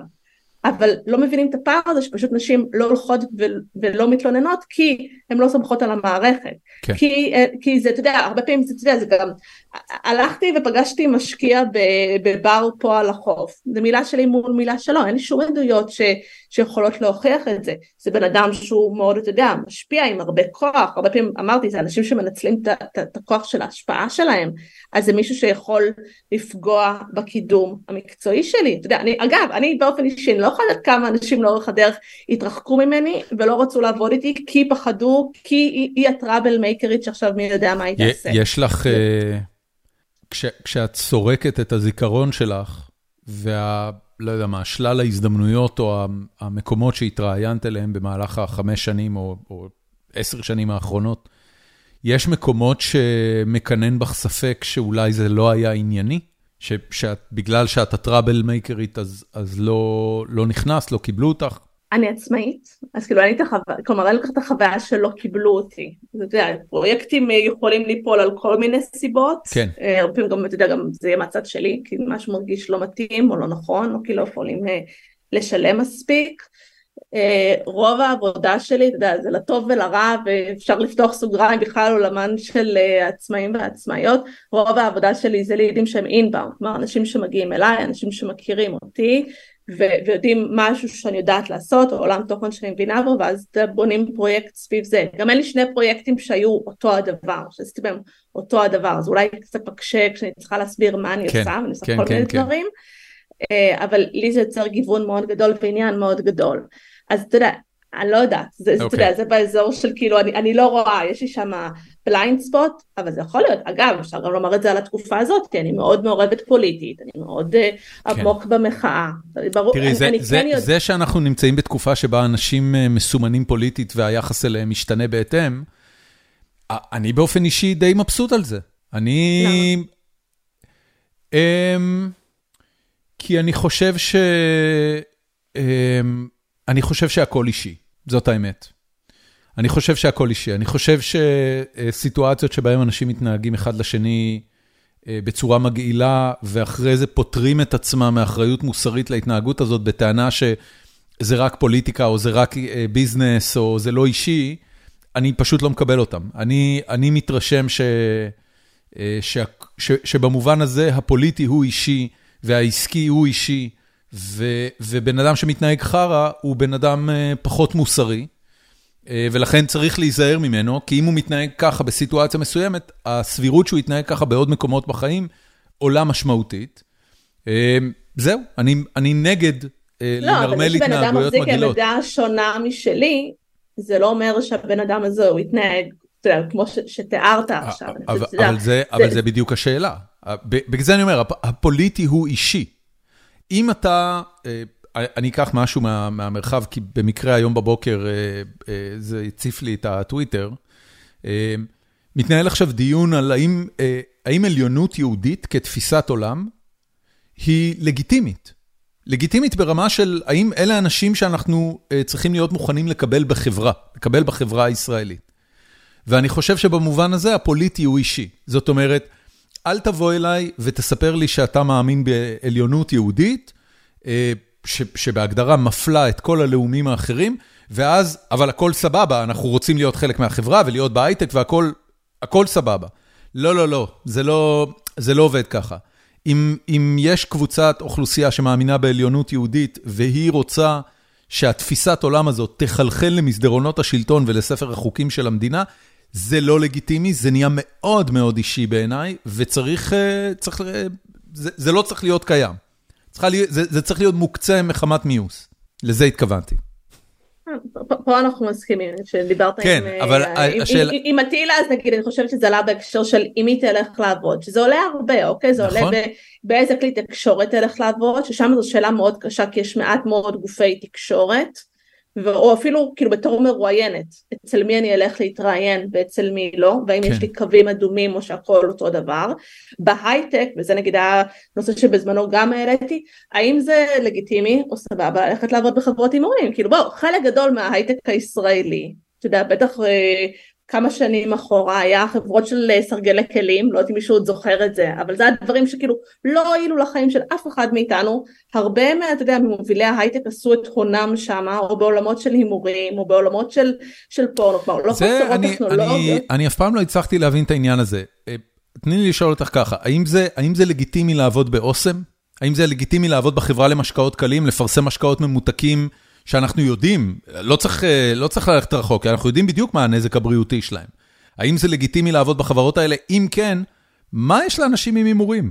אה, אז אני לא, לא, לא עונה על שאלת הלגיטימיות, אוקיי? כי באמת כאילו לכל אחד ואחת אמות המידע שלהם, אבל אני חושבת שאנחנו צריכים כן לדעת שלהחלטות שלנו יש משמעות, כלומר אם הלכתי לעבוד בחברת הימורים או באוסם, או שמאוד חשוב לי לעבוד בחברה שהיא עושה באופן מובהק טוב לעולם, אתה יודע, אני צריכה לעמוד מאחורי זה, אם זה לא מפריע לי, והרבה אנשים זה לא מפריע להם, לנו, בסדר גמור, אתה יודע, כל אחד וסט הערכים שלו, אתה אומר הכל אישי, אני אומרת הכל פוליטי, הכל בסוף, יש נכון, שם החלטות. נכון, נכון, האישי והפוליטי חד הם, מסכים איתך. אה, ואני נגיד יודעת שיש לי קווים מאוד ברורים, נגיד שרק יצאתי לעצמי, אפילו לא ידעתי שאני אהיה עצמאית אני חושבת, זה היה משהו בהתחלה הייתה לי הצעה לעבוד עם אה, אחת מחברות הסיגריות, וואלה שמתי שם, ואתה יודע, זה, זה היה באמת רגע, אני חושבת שזו הפעם היחידה שהרגשתי איך נראית הצעה מהשטן, הם אמרו אוקיי את עוד לא סגורה על מה, מה הדבר הבא שאת רוצה לעשות, תגידי כל סכום, נשלם לך כל סכום, בואי תעזרי לנו במה שאנחנו צריכים, יש לך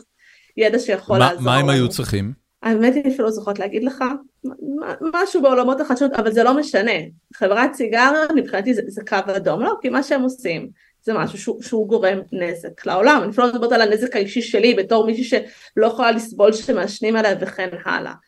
אה, אז לי יש קווים שהם אדומים. שאתה יודע אתה יכול להגיד איפה, איפה עובר הקו האדום אוקיי? לא, לא מזמן אה, פנו אליי מאחת החברות שאתה יודע לא יודעת אם הייתי הולכת לעבוד שם פול טיים אוקיי? בגלל תחום העיסוק שלה, אבל זה היה בנוגע להרצאה. אמרתי, לא יודעת, אני רוצה להרצות שמה, אני לא. ואז כששאלו את המחיר פשוט הקטתי מחיר גבוה ומאוד גבוה ואמרתי טוב בוא נראה מה כש, כשתחזור התשובה וזה יהיה לפחות עם תג מחיר מאוד גבוה בוא, בוא, בוא כן. נראה איך אני מרגישה עם זה ואיך אני מחליטה. אה, הם אמרו לא? שלכולנו יש מחיר, כן? לא, האמת היא שהם עוד לא, עוד, עוד לא חזרו, זה היה משהו מאוד ארוך טווח. ואת יכולה, אה, יכולה להגיד באיזה קטגוריה הם פועלים? באזורי ההימורים בצד ה... אתה יודע, גם בתוך ההימורים יש, אני חושבת, יש, יש גוונים של אפור, בגוונים המאוד אה, לא... הארדקור שלהם? כן. אז, אז מה בעצם המחשבה? שאם את תופיעי שם והרי אני, אני מניח שההרצאות שאת מדברת עליהן הן הרצאות בנושא, בנושא של הייעוץ האסטרטגי שלך, של שילוב נשים בהייטק? אז באמת יש לי איזה שמונה עולמות תוכן אה, של הרצאות. הבנתי, אוקיי. יש לי את הקו של ההרצאות של, אה, של אישה בהייטק, ששם אני עובדת בעיקר עם קהל של ארגונים ומנסה להבין איתם, בעיקר עם דרג מקבלי החלטות, מה הם יכולים לעשות כדי גם לגייס יותר נשים וגם לקדם יותר נשים פנימית, וזה יכול להיות לכל החברה, זה יכול להיות רק לדרג הניהולי ומקבלי החלטות, לפעמים זה יהיה רק HR ים, לפעמים זה יהיה רק העובדות בחברה, אתה יודע, לכל אחד מהם יש את ה... את המענה ש, שמתאים להם. יש את כל מה שקשור לעולמות של אה, דיסאינפורמציה, אה, משבר הדמוקרטיות והפוסט אמת וכן הלאה, שזה נושא ששלוש אה, שנים הייתי חוקרת בתוכנית ליפקין שחק שעסקה בנושא הזה, על הכותרת מאוד מפוצצת של ביטחון לאומי ודמוקרטיה בעידן של פוסט אמת ו fake news, זה עשיתי ב-INSS ובשנה האחרונה אני חוקרת אורחת שם. לאיזה מסקנה הגעת במחקרים האלה? אוי, זה נורא מתסכל. לא? חוץ מזה שזה קורה. אה, אז כשהתחלתי זה היה ב-2019. אה, המחקר הראשון אמרנו, אוקיי, אתה יודע, אנחנו עמוק בתוך עידן טראמפ והברקזיט, והמחשבה הייתה, אנחנו בישראל, יש פה בעיה מאוד משמעותית, הטכנולוגיה היא אחד המאפשרים של הבעיה, של ה fake news למיניה, זו גם שאלה איך אתה מגדיר את השאלה. אמרנו, טוב, גם בטח יהיה פה הרבה פתרונות, נכון? אתה יכול לחשוב על כל מיני דרכים שטכנולוגיה יכולה לעזור גם לזהות fake uh, news וגם uh, להתמודד איתו. uh, ויצאתי לתהליך של מיפוי וקול קורא כי אמרתי לא יכול להיות שכאילו אני לא מצליחה להגיע לפתרונות ולסטארט-אפים בתחום. והשורה התחתונה של זה קצת הייתה שיש פה כשל שוק כלומר כולנו מבינים שיש פה בעיה אבל אין מי שישלם על הפתרון שלה ואז אתה יודע בעולמות הפתרון למשל כאילו הכיוון המחקרי אתה יודע המרכזי שבעולם מתמקדים בו זה למעשה מה שנקרא אה, אוריינות דיגיטלית כלומר לחנך את הציבור ל... אני חוזרת לחשיבה ביקורתית אוקיי גם פה זה כלי שהוא מאוד משמעותי ולהבין מאיפה המידע שאתה צורך ועל מה הוא מבוסס ולשאול שאלות וכן הלאה. אה, ושלל בעיות ופתרונות אחרות. בשורה התחתונה אני אומרת שזה כל כך מתסכל, כי אני חושבת שאחרי כל כך הרבה שנים של עיסוק בזה, ההבנה שלי הייתה שהבעיה אתה יודע, היא לא הטכנולוגיה, הבעיה היא נשים, הבעיה היא תרבות, הבעיה היא תקופה שאנחנו חיים בה, אה, הבעיה היא שאין מחיר לשקר. אנשים בעמדות הכי בכירות יכולים לשקר, וזה פשוט לא מזיז לאף אחד. וזה עובד להם, ו- ואנחנו יודעים, אתה יודע, בכלל זה ממאפייני ה fake news, תכנים באינטרנט שהם אה, שקריים, הם תכנים שהם אה, בדרך כלל מאוד ויראליים, וזה תכנים שהם אה, מעוררים רגש מאוד חזק. כן. עכשיו אנחנו יודעים באופן כללי משיווק, נכון? אתה רוצה משהו ויראלי, תשים שם תינוק, תשים אוכל, אבל כאילו אתה יכול לשים את הדברים החמודים. כן, דברים שמפעילים רגשית את ה... את ה... עוד דברים שהם בקיצון השני, ומכונות הפייק, הן יודעות מאוד ללחוץ על זה. אבל בסוף אתה יודע אוהבים לדבר על אה, מכונת הרעל גם עכשיו סביב המחאה יש כזה הרבה ניסיונות אתה יודע לעקוב אחרי זה ולגלות איך עושים את זה אבל בסוף לא צריך מכונת רעל. בסוף צריך אתה יודע, אנשים בעמדות מספיק בכירות שהם, ישל, שהם ישקרו ולא ישלמו על זה מחיר. ואתה יודע והדברים פשוט אתה יודע, כאילו אחרי זה לך תוכיח שלסבתא שלך אין גלגלים. זה כבר לא מעניין אף אחד כלומר אתה שואל הנה מהמסקנות של הסמינר שהייתי בו כל העולם של fact checking שבארץ הוא לא מאוד פופולרי, יש כמה פרויקטים קטנים יחסית בעולמות של בדיקת עובדות, אבל בעולם זה משהו שמשקיעים בו הרבה מאוד משאבים והמון גופים שמתעסקים בזה, זה פשוט לא עובד, זה לא מעניין אף אחד, כלומר אולי אותנו כאנשים קצת קטנים, רודפי אמת, נה נה נה, אנחנו נלך ונצרוך את התוכן הזה, אבל רוב האנשים, אתה יודע, הם נחשפו לשקר, וזהו, והמשיכו הלאה, והשקר הוא מבחינתם אמת. תגידי, במובן הזה, התנועה שקרתה בארצות הברית, אה, של אה, אה, להעיף את טראמפ ולשים את ביידן במקומו, אולי אחד המועמדים הפחות מרשימים לנשיאות שאי פעם רצו בבחירות בארצות הברית, ואגב, אמ, אני תומך נלהב שלו. אמ, אולי לא נלהב, אני תומך שלו. אני תומך שלו בהיעדר אופציה מעניינת או טובה יותר. בדיוק, הרע במיעוטו. אה, כן, אני לא חושב עליו בתור רע במיעוטו, אני חושב שהוא באמת אה, עושה טוב. אה, אבל, אבל, אבל כאמור, במיעוטו. אבל זה חלק מהפוליטיקה בארץ, זה לא בחירת החלומות שלך. כן, לא, זה לא, זה לא אובמה, זה לא קלינטון, כאילו, את יודעת, זכינו לראות שניים מהנשיאים, באמת, אובמה וקלינטון בעיניי, נשיאים מרשימים מאוד. בכל מקרה, האם את לא רואה בתנועה הזאת איזושהי פעולה חיובית? אני אוסיף ואומר, בתור מישהו שחי בארצות הברית, אה, אני חווה את אמריקה בצורה מאוד ספציפית, אני חי באוסטין, זה מעוז אה, ליברלי בלב מדינה שמרנית, ואני חושב שגם גם מהצד הליברלי כחול של המפה הפוליטית וגם מהצד האדום, יש היום הבנה שטראמפ היה ממש טעות.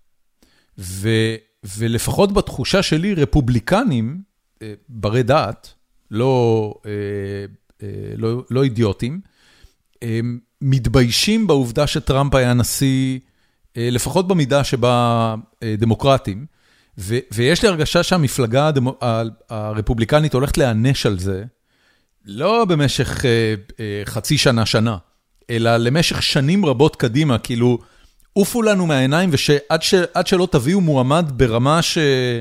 אה, שנוכל להצביע לו כמו שצריך, זה לא יקרה. יהיה מעניין אגב מאוד לראות מה קורה עם דה סנטיס עכשיו, אבל אני, אני רק אשאל, את לא רואה בדבר הזה דווקא מקור אה, לאופטימיות? זה נשמע לי מאוד אופטימי. הבנתי. אני... Okay. אה, קודם כל אמרתי אני גרתי בניו יורק שהיא גם מן הסתם מעוז ליברלי נכון, ודמוקרטי נכון.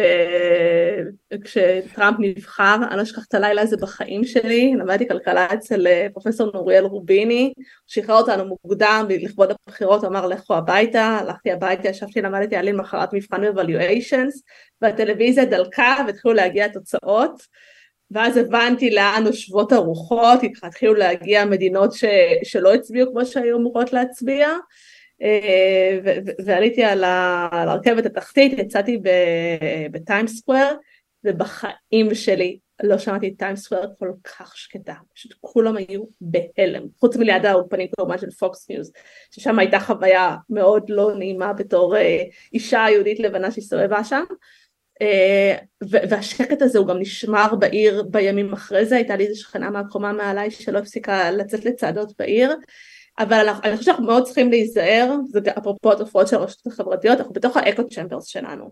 נדמה לנו שהסיבות שלנו מייצגות, אבל כאילו אני לא מומחית לפוליטיקה האמריקאית, אני כן אבל אתה יודע, יודעת להסתכל על המספרים. במבחן התוצאה, בסוף יותר אנשים בחרו בטראמפ בבחירות 2020 זה לא נכון, הוא הפסיד בפופולר ווט. במספרים, אתה יודע, הוא לא ירד שם, הוא לא, עכשיו... אה, את אומרת, הצביעו לו ביחס לעצמו, ביחס כן, לעצמו כן. של, הבנתי. כן, כן, כן, כלומר, כמות האנשים, זה לא שאתה יודע, אם היית אומר, לא יודעת, סתם, בוא ניקח מספר, שלוש, זה לא, זה, אבל לא משנה, 100 מיליון איש הצביעו בבחירות 2016 לטראמפ, ואחרי זה, בבחירות אחרי זה זה ירד לעשרה מיליון.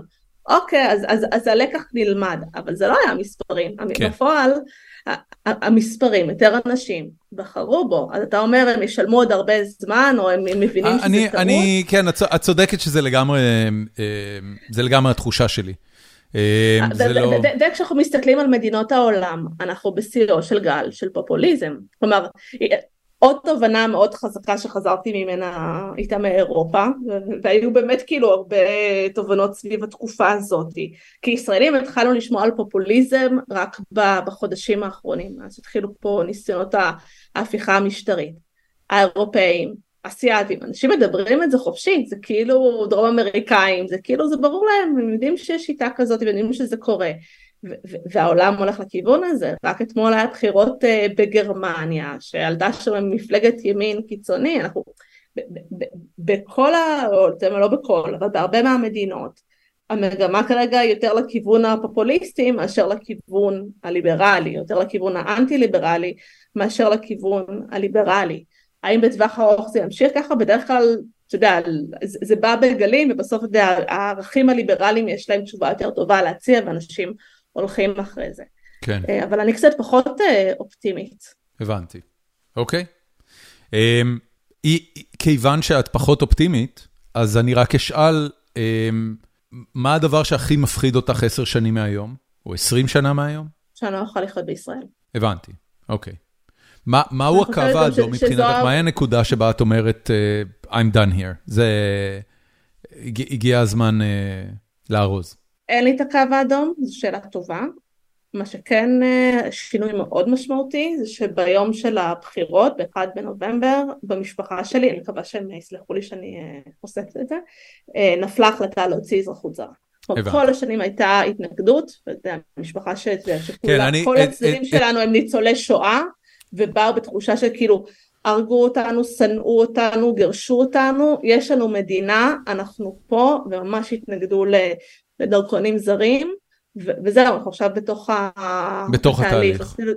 ואתה יודע, ויש פה את הבדיחות, טוב, אז כאילו איפה נראה פנסיה באיטליה, מה, איפה, איפה, איפה נבקר ומה מה נעשה, אבל, אבל האמת היא, ואתה יודע, וגם הייתי על, על הקו לניו יורק, והיית מחשבות של איפה אני מקבעת את מרכז חיי, ומאוד אהבתי לחיות בניו יורק, אתה יודע, אני תל אביבית כל חיי הבוגרים, וניו יורק מאוד התאימה לי, ובסופו של דבר קיבלתי החלטה לחיות פה, אני מרגישה שאני חיה בישראל מתוך בחירה, ואני רוצה לחיות פה. האם יכולות להיות אלטרנטיבות אחרות? יכולות, אבל הנה אפילו האירוע הזה, אתה יודע, שטראמפ עלה לשלטון, זה היה אירוע כל כך דרמטי וחוו אותו כל כך חזק בעיר, זה, זה מפריע לי כאזרחית העולם החופשי והעולם הנאור, אבל זה לא שלי, התחושה הזאת, אתה יודע, של כאילו שמשהו שהוא שלי, אין לי אותו בשום מקום אחר, ואני מאוד אוהבת לטייל, ואני מאוד פתוחה לתרבויות, ו... אבל אני רוצה ש... שתהיה לפחות הבחירה לחיות פה, ו... ושאני אהיה במדינה שאני יכולה ללבוש מה שאני רוצה, ושאני יכולה להגיד מה שאני רוצה, ואני דואגת, כי, כי כרגע אנחנו הולכים לכיוון שכל הדברים האלה מצטמצמים. כן. כלומר נגיד למשל אחת התופעות שהכי מדאיגות אותי בתקופה הזאת שזה לא קו אדום זה כאילו אתה יודע זה, זה כבר פה זה קורה עכשיו כן. זה הנושא של צנזורה עצמית של מה אומרים ומה לא אומרים מה עושים ומה לא עושים. מה זה אומר?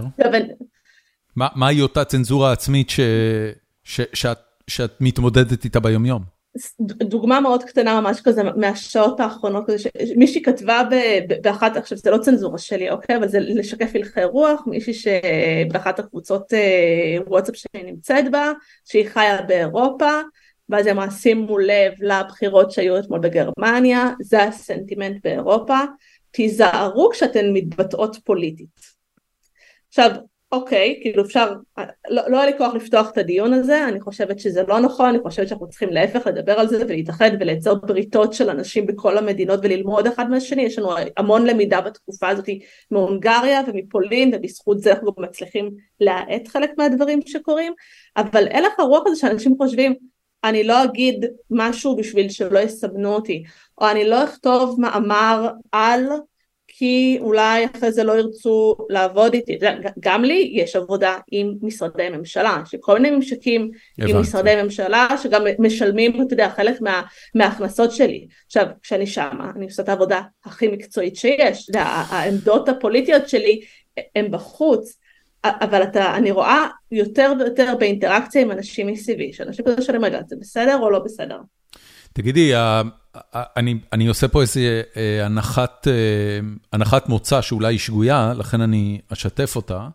אה, דה מרקר הוא ארגון עיתונאי עם נטיית שמאל מובהקת, וכשאני אומר נטיית שמאל, אני פחות מתכוון לסקאלה המדינית, למרות שגם שם הוא הוא חלק מעיתון הארץ, בצורה כזו או אחרת, אבל אני מתכוון יותר לזה שהמודל למדינות מוצלחות, או המודל הסקנדינבי-שוודי של אמ, של דמוקרטיה עם שלטון מרכזי מאוד מאוד משפיע ומעורב, מיסים גבוהים ומשק במידה מסוימת חופשי ותחרותי.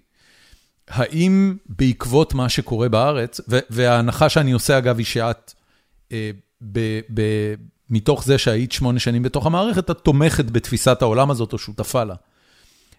האם בעקבות מה שאת רואה במהלך החודשים האחרונים בארץ מאז הבחירות, אה, הגישה שלך לגבי צמצום הממשלה וצמצום מעורבות הממשלה בחיי האזרחים והורדת מיסים ופחות שירותים ציבוריים ויותר שאנשים יממנו את זה מכיסם, או, או לחילופין להעביר את זה למוניציפלי, מה, משהו השתנה בתפיסת עולמך?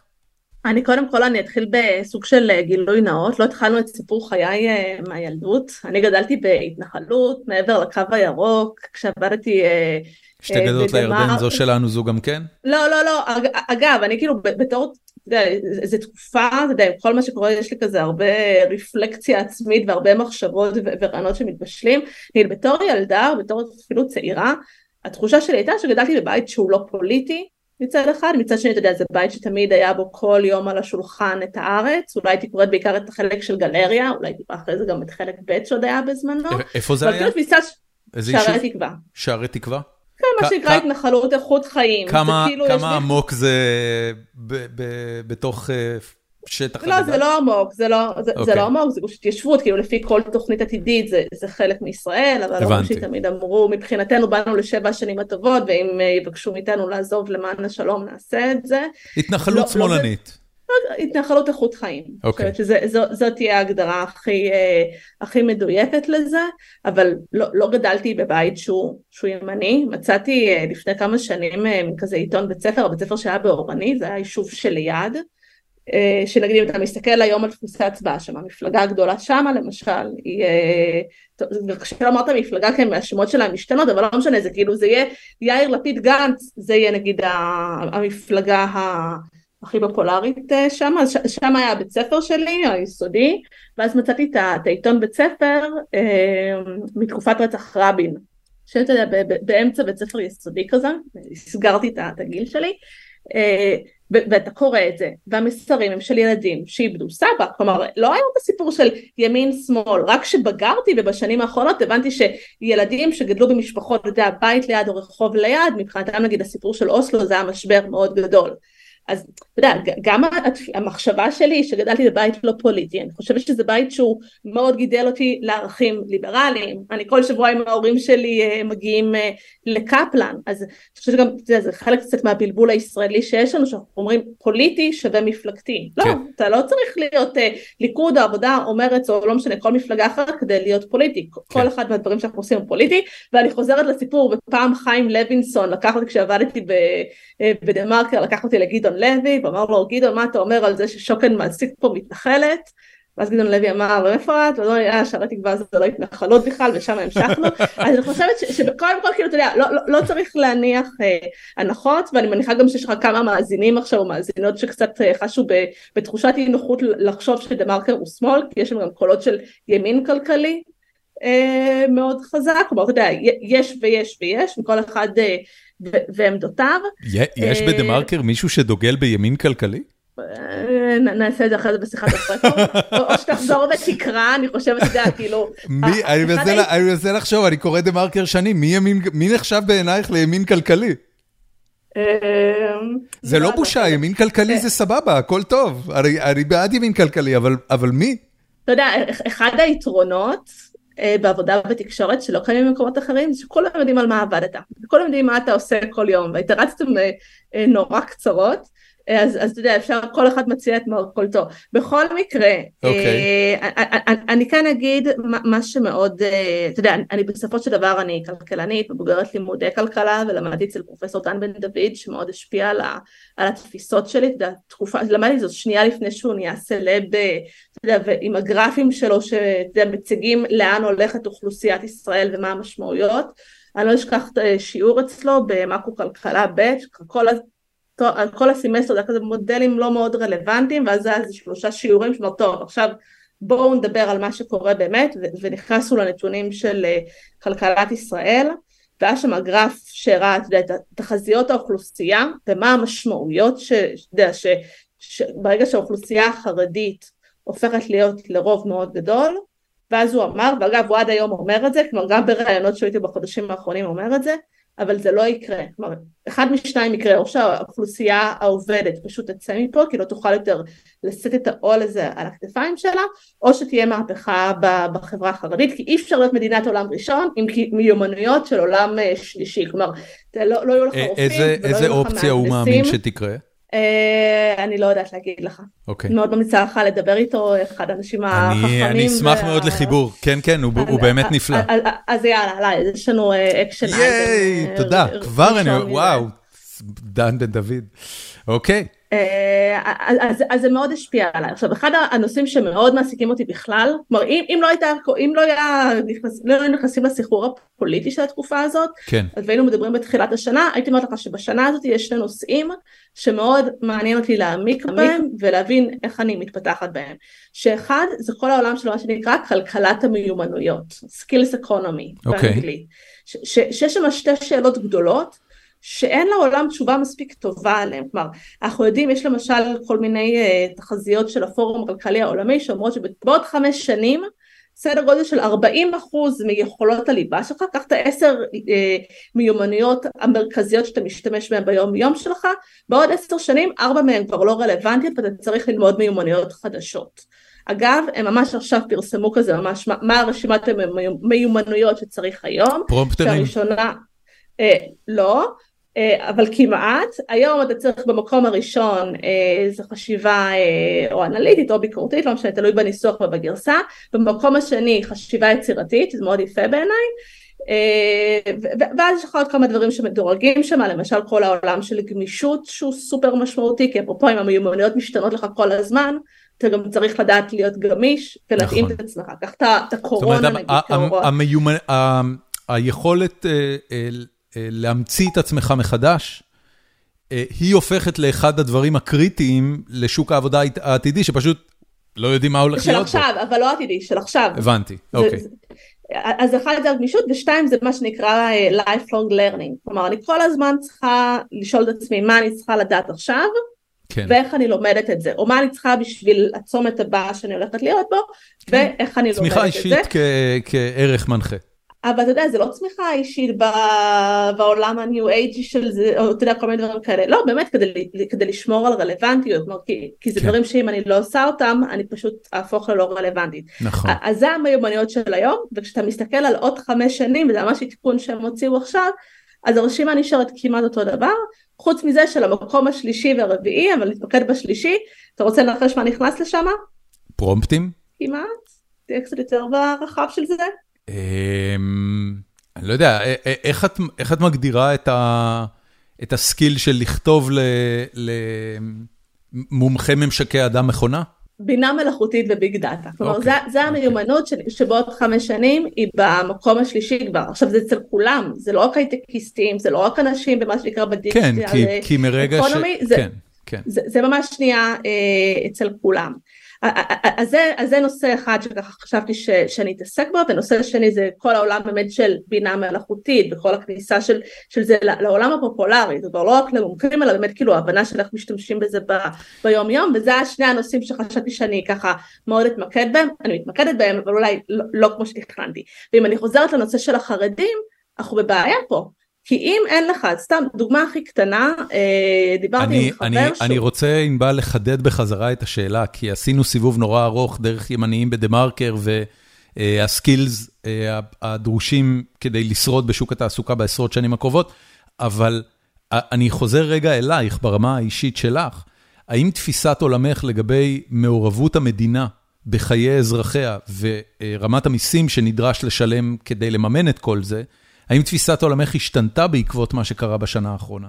אני לא, לא חושבת, והסיבה שהלכתי את כל הסיבוב זה כי אני חושבת ש, שמה שחשוב, אתה יודע, אין לי בעיה לשלם מיסים גבוהים אם זה חוזר אליי, אוקיי? אבל עובדה, אבל עובדה שזה לא, כי הדמוגרפיה ו- היא לא מהמיליה שלך. נכון, ואני חושבת שזה, אתה יודע, חלק מהסיפור, אתה יודע, של המחאה מבחינתי, ובטח אני פעילה תחת הכובע של מחאת ההייטק, שזו מחאה שיש לה אוריינטציה כלכלית מאוד חזקה, אזור שאני מאוד חושבת שהוא היום בעיה מאוד גדולה שלנו, זה כל מה שקשור בחינוך, ובפרט חינוך של חרדים, כלומר אם uh, בחור חרדי מגיע לגיל 20 פלוס והוא לא מסוגל לכתוב פרומפט כי הוא לא יודע אנגלית למשל, וזה סיפור אמיתי, אוקיי? כאילו שיחה שהייתה לי עם חבר כן, מחינוך כן, חרדי, כן, כן. שהוא פשוט לא מסוגל, הוא לא, הוא לא יודע, אז אנחנו מגדלים פה אוכלוסייה שיש לה מגבלה, זה כמו נכות. אני וזה, חוזר וזה... ואומר, האם, האם מסקנה אופרטיבית אה, של העניין אבל, הזה. אבל המסקנה הזאת שלי הייתה גם אם היינו מדברים לפני 15 שנה. כלומר, אני חושבת שהמפתח בחינוך, אני חושבת זה טוב שיש שירותים שהמדינה נותנת, ויש שירותים שהמדינה צריכה לתת. זה טוב שהבריאות בישראל היא ציבורית, זה טוב שהחינוך הציבורי, אני רוצה שהוא יהיה הכי טוב. אני לא רוצה להפריד את החינוך, ואפילו אם אני כאינדיבידואלית יכולה, אה, אתה יודע, ללכת ולקנות לימודים. אני רגע אשאל את זה אחרת. אה, כי אני אני מרגיש שאני לא מצליח אפילו להסביר את השאלה. אה, אנחנו אה, אנחנו חיים בעולם, ו, ואני לפחות, וגם את חיים את רוב חיינו הבוגרים במדינת ישראל. מדינת ישראל, למשל, טובה מאוד בלספק לאזרחיה שירותים יעילים במחיר שווה לכל נפש, בקטגוריות שיש עליהן קונצנזוס, כמו בריאות. מערכת הבריאות בישראל, אני אומר את זה בתור מישהו שחי בארצות הברית, היא מצוינת. לעומת זאת, באזורים שהם לא אה, אה, בקונצנזוס, באזורים שהם שנויים במחלוקת, אה, חינוך, אגב, הוא אחד הבולטים שבהם, אה, מדינת ישראל לא עושה עבודה טובה. היא נאלצת אה, להתמודד עם מנעד מאוד רחב של מערכות חינוך שהאזרחים השונים שבה רוצים שיהיו לילדים שלהם, ובמקום שבו היא אמורה לתת את השירות אה, הטוב ביותר לאזרחים שמשלמים הכי הרבה, שזה החינוך הממלכתי, החינוך הוא ממש בהידרדרות אה, קולוסלית, אני לא יודע אפילו איך לקרוא לזה, ממש חינוך הולך ומידרדר. האם בסיטואציה כזו, את לא מסתכלת ואומרת, חבר'ה, אולי המדינה לא צריכה להיות שמה. אני, אני, אני כאילו, אני רוצה להיות סלקטיבית לגבי... מקומות שבהם המדינה יודעת לעשות אה, אה, עבודה טובה, וששר מש"ס ושר מיהדות התורה ושר מהליכוד ושר מיש עתיד עושים פחות או יותר אותה עבודה טובה, יאללה, תמשיכו. מקומות אחרים, סגרו את זה, תנו לנו לממן בעצמנו ותורידו לנו את המיסים. טוב, אז כאילו אני חושבת שצריך לחיות באיזושהי מציאות אוטופית בשביל לענות על, ה, על השאלה הזאתי, או אתה יודע, קצת להיות מנותקים מה, מהכאן ועכשיו. אני חושבת בגדול, יש פה אחת שאלה של האלוקציה של הכסף, אוקיי? כן. איפה אני שמה את הכסף. בסוף שבוע האחרון היה הפרעות של יהודים אה, ופלסטינים, ו- וכל פעם שהאירועים האלה קורים אני נכנסת לעמודי פייסבוק, טוויטר וכן הלאה של, של נערי הגבעות, נחשף לי עולם. מה שגיליתי הסוף שבוע שהטריף אותי זה שיש, אה, אתה, אם, אם אתה עכשיו בחורה בת 18 אה, מבית דתי אתה יכול ללכת לעשות אה, שירות לאומי שהמדינה משלמת על זה אוקיי? כי יש כאילו תעריף לזה יש תקורה שאת כבת שירות המדינה משלמת אותה בכל מיני חוות. שהחוות האלה ביניהם בעיני עצמם אתה יודע גופים הם אה, רואים את עצמם כחלוצים וכן הלאה, אבל אנחנו מבינים שזה בעייתי. יש לי בעיה, אתה יודע, פה עם אלוקציה של כסף. שאלה שנייה זה היעילות של הכסף, שזה הדוגמה שאתה אומר, כאילו, הבעיה היא לא בזה שלא משקיעים כסף בחינוך, אלא איך שמשקיעים אותו. אז, אז בעולם האוטופי, אני חושבת שזה ממש חשוב שכמו שיש שירותי בריאות ציבוריים, סיפרתי לך על הביקור שלי בסינגפור, בסינגפור יש אנשים זקנים שפשוט, אתה יודע, הם, הם הולכים למותם כי הבריאות היא כל כך יקרה, או לא משנה, גם בארצות הברית לא חסרות לך דוגמאות, כי הבריאות יקרה. לא, בריאות וחינוך ושירותים אחרים, אני חושבת שצריכים להיות נגישים לכולם, והם צריכים להיות מצוינים. בעיניי זה שאנחנו רואים יותר ויותר מעבר לחינוך פרטי, כי החינוך הציבורי הוא לא מספיק טוב, או כי אין מספיק מסגרות לחילונים, אוקיי, אם היה לך עכשיו ילד בירושלים בתור עוד לחינוך חילוני, לא בטוח שהיה לך באזור שלך בכלל גן או בית ספר לשלוח את הילד, אז אתה יודע, אנשים הולכים, אני חושבת שזה שהולכים לחינוך פרטי, זה לא דבר טוב. אני רוצה, כלומר המפתח בסוף הכי גדול לצמצם פערים ולתת הזדמנויות זה דרך חינוך. אז אנחנו לא יכולים לסגור את זה ולתת את זה רק לאנשים עשירים. זה לא... לא, אני לא חשבתי על, על פתרון כאלה. אה, אה, חשבתי על פתרונות כמו שיטת שוברים, או לחילופין, אני אומר עוד פעם, תראי, ב, ב, בארצות הברית, אה, הממשל הפדרלי לא מממן את החינוך של הילדים שלי. אנחנו חלק ממה שנקרא Independent School District, מחוז חינוך, אנחנו אה, משלמים ישירות את המיסים שלנו, זה ממש מגיע בשורה אה, של המס שאני משלם. אנחנו משלמים ישירות את המיסים ל school district. הצ'ק הולך אליהם ישירות, והם מתוך ה-Independent School District משלמים את המשכורות של המורים וכולי וכולי. יש מועצה ל school district, אני מצביע לחברים במועצה פעם בשנתיים, אה, ואם יש לי איזה שהם טענות, אני הולך ל school district ואני מדבר עם חברי המועצה או עם האנשים, ודברים יכולים להסתדר. זה לא ברמת השלטון הפדרלי. זה אפילו לא ברמת ה state. זה מה שאני מנסה לשאול, האם יש איזושהי נקודה שבה את אומרת, חבר'ה, השלטון הפדרלי עושה פה עבודה מחורבנת, קחו את זה ממנו. אבל אני חושב שענית לי מספיק. תקשיבי, אמ, זמננו מתחיל להתקצר. אה, אני פרסמתי שלשום שאת הולכת להתארח אה, בפרק הזה, והזמנת... כן, האמת שגילו לי והתאפקתי, ושם לי את הסקרנות בצד ולא נכנסתי לראות. אני נורא שמח שעשית את זה. היה לי כבר אורחים... שידעו, ש... כי הם מכירים את הפודקאסט, ידעו שהולכים uh, לשאול שאלות, אז הם נכנסו מראש וכבר ענו עליהם, וזה הפך את הפרק לקצת יותר מביך. Um, אני אתחיל, uh, um, אני אתחיל עם שאלה של uh, שניר דוד. הוא כותב כאילו את עדיין כתבת בדה מרקר, אז בואי ננסה, אם אפשר לענות על זה, בהתבסס על הניסיון שלך בדה מרקר. Uh, הוא כתב ככה, בתור כתבת בדה מרקר וגם מעורבת בהייטק הישראלי, מה דעתך על הדעה הרווחת בקרב הייטקיסטים שדה מרקר מנגח, או נהג לנגח, עד תחילת מחאות ההייטק, בכוונה. לראייה מאות פוסטים בקבוצות מוצרות בהייטק שקוראים לעיתון דה מרקסר, אה, בלי להביע דעה לפה לפה, אה, אז לא לצאת עליי, אבל זה פיל ברור שיהיה מעניין לשמוע מה דעתך. האם יש באמת אה, איזושהי הסתכלות אליטיסטית או, או לא אוהדת להייטק בדה מרקר? כאמור, אני לא שם כבר חמש שנים. כן, כשהיית.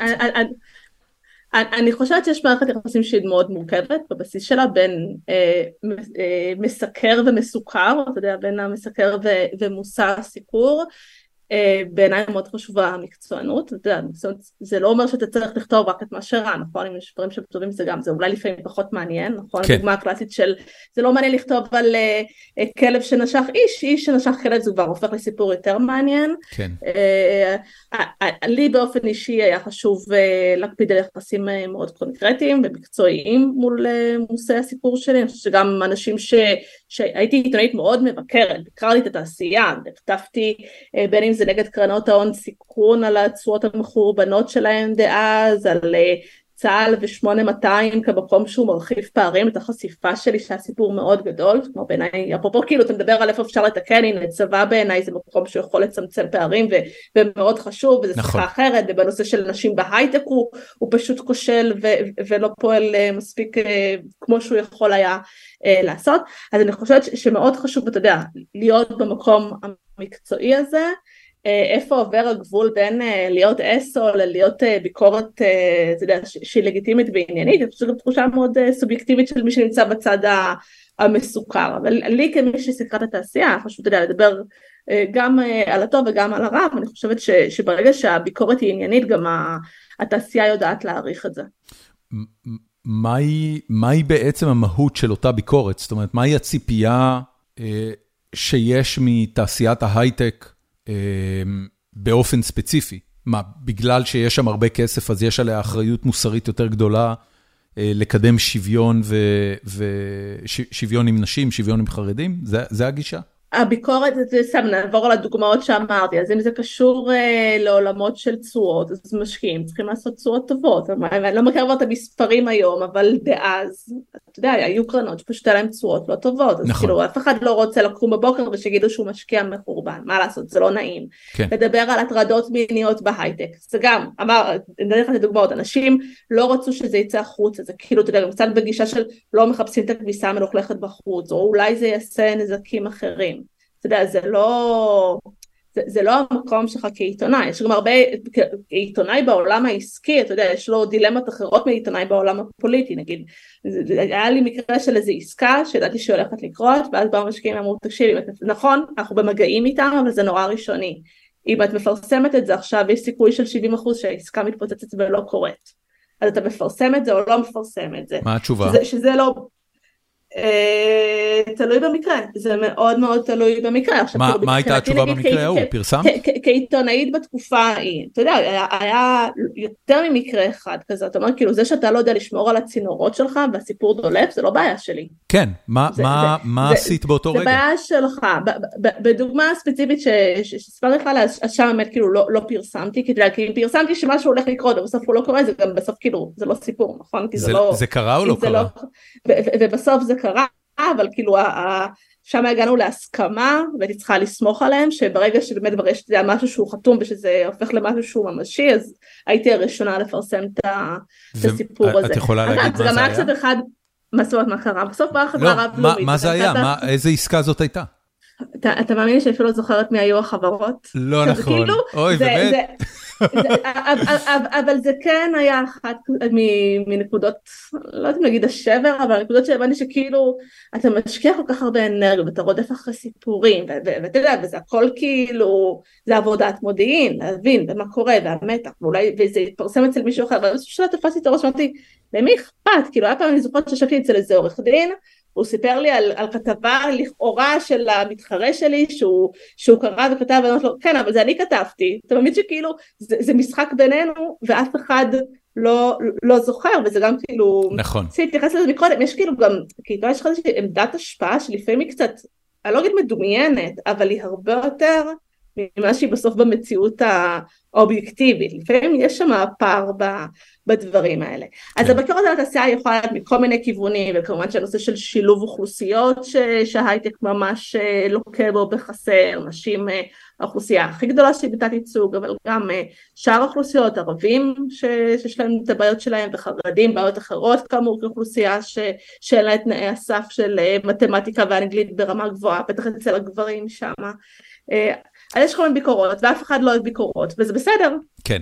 אמ, שניר דוד ששאל את השאלה, אמ, שאל שאלת המשך, אה, בתכלס זה לא מופנה אלייך, כי זה קרה כשאת לא היית כבר בדה מרקר, אבל מעניין אותי הפרספקטיבה שלך על זה. אה, אז אני אקריא לך ברשותך מה הוא כותב, ואז תגידי לי מה את חושבת.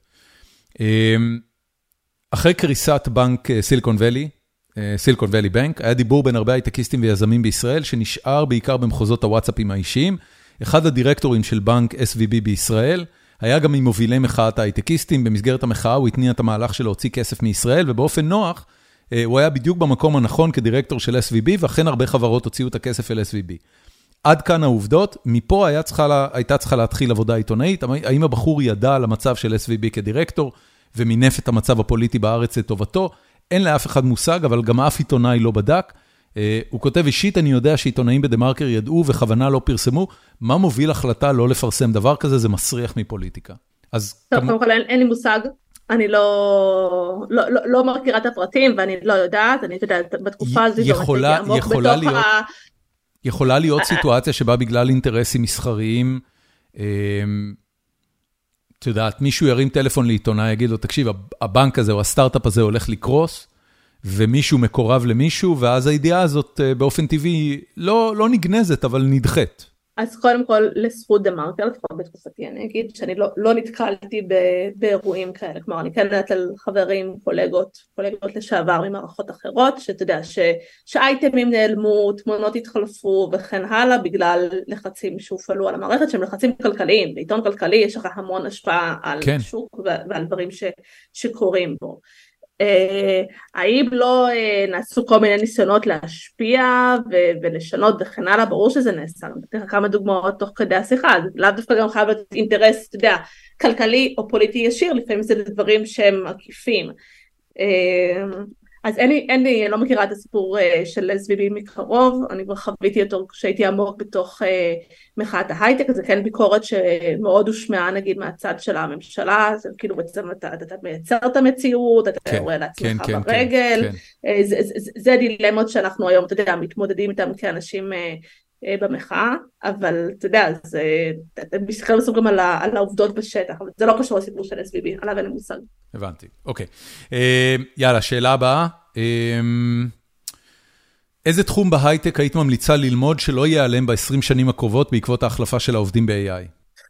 יש פה הנחה מובלעת שה-AI יחליף את, ה, את העובדים, אני כופרת ב, ב, בהנחת העבודה הזאת, וזה מחזיר אותי לשיח של המיומנויות. כלומר, אגב, אני נגיד בצומת האחרונה שהייתי בה בשבועות האחרונים, הבנתי שמה שאני צריכה ללמוד עכשיו זה פייתון. אז, אז, אז בימים אלה אני... למה?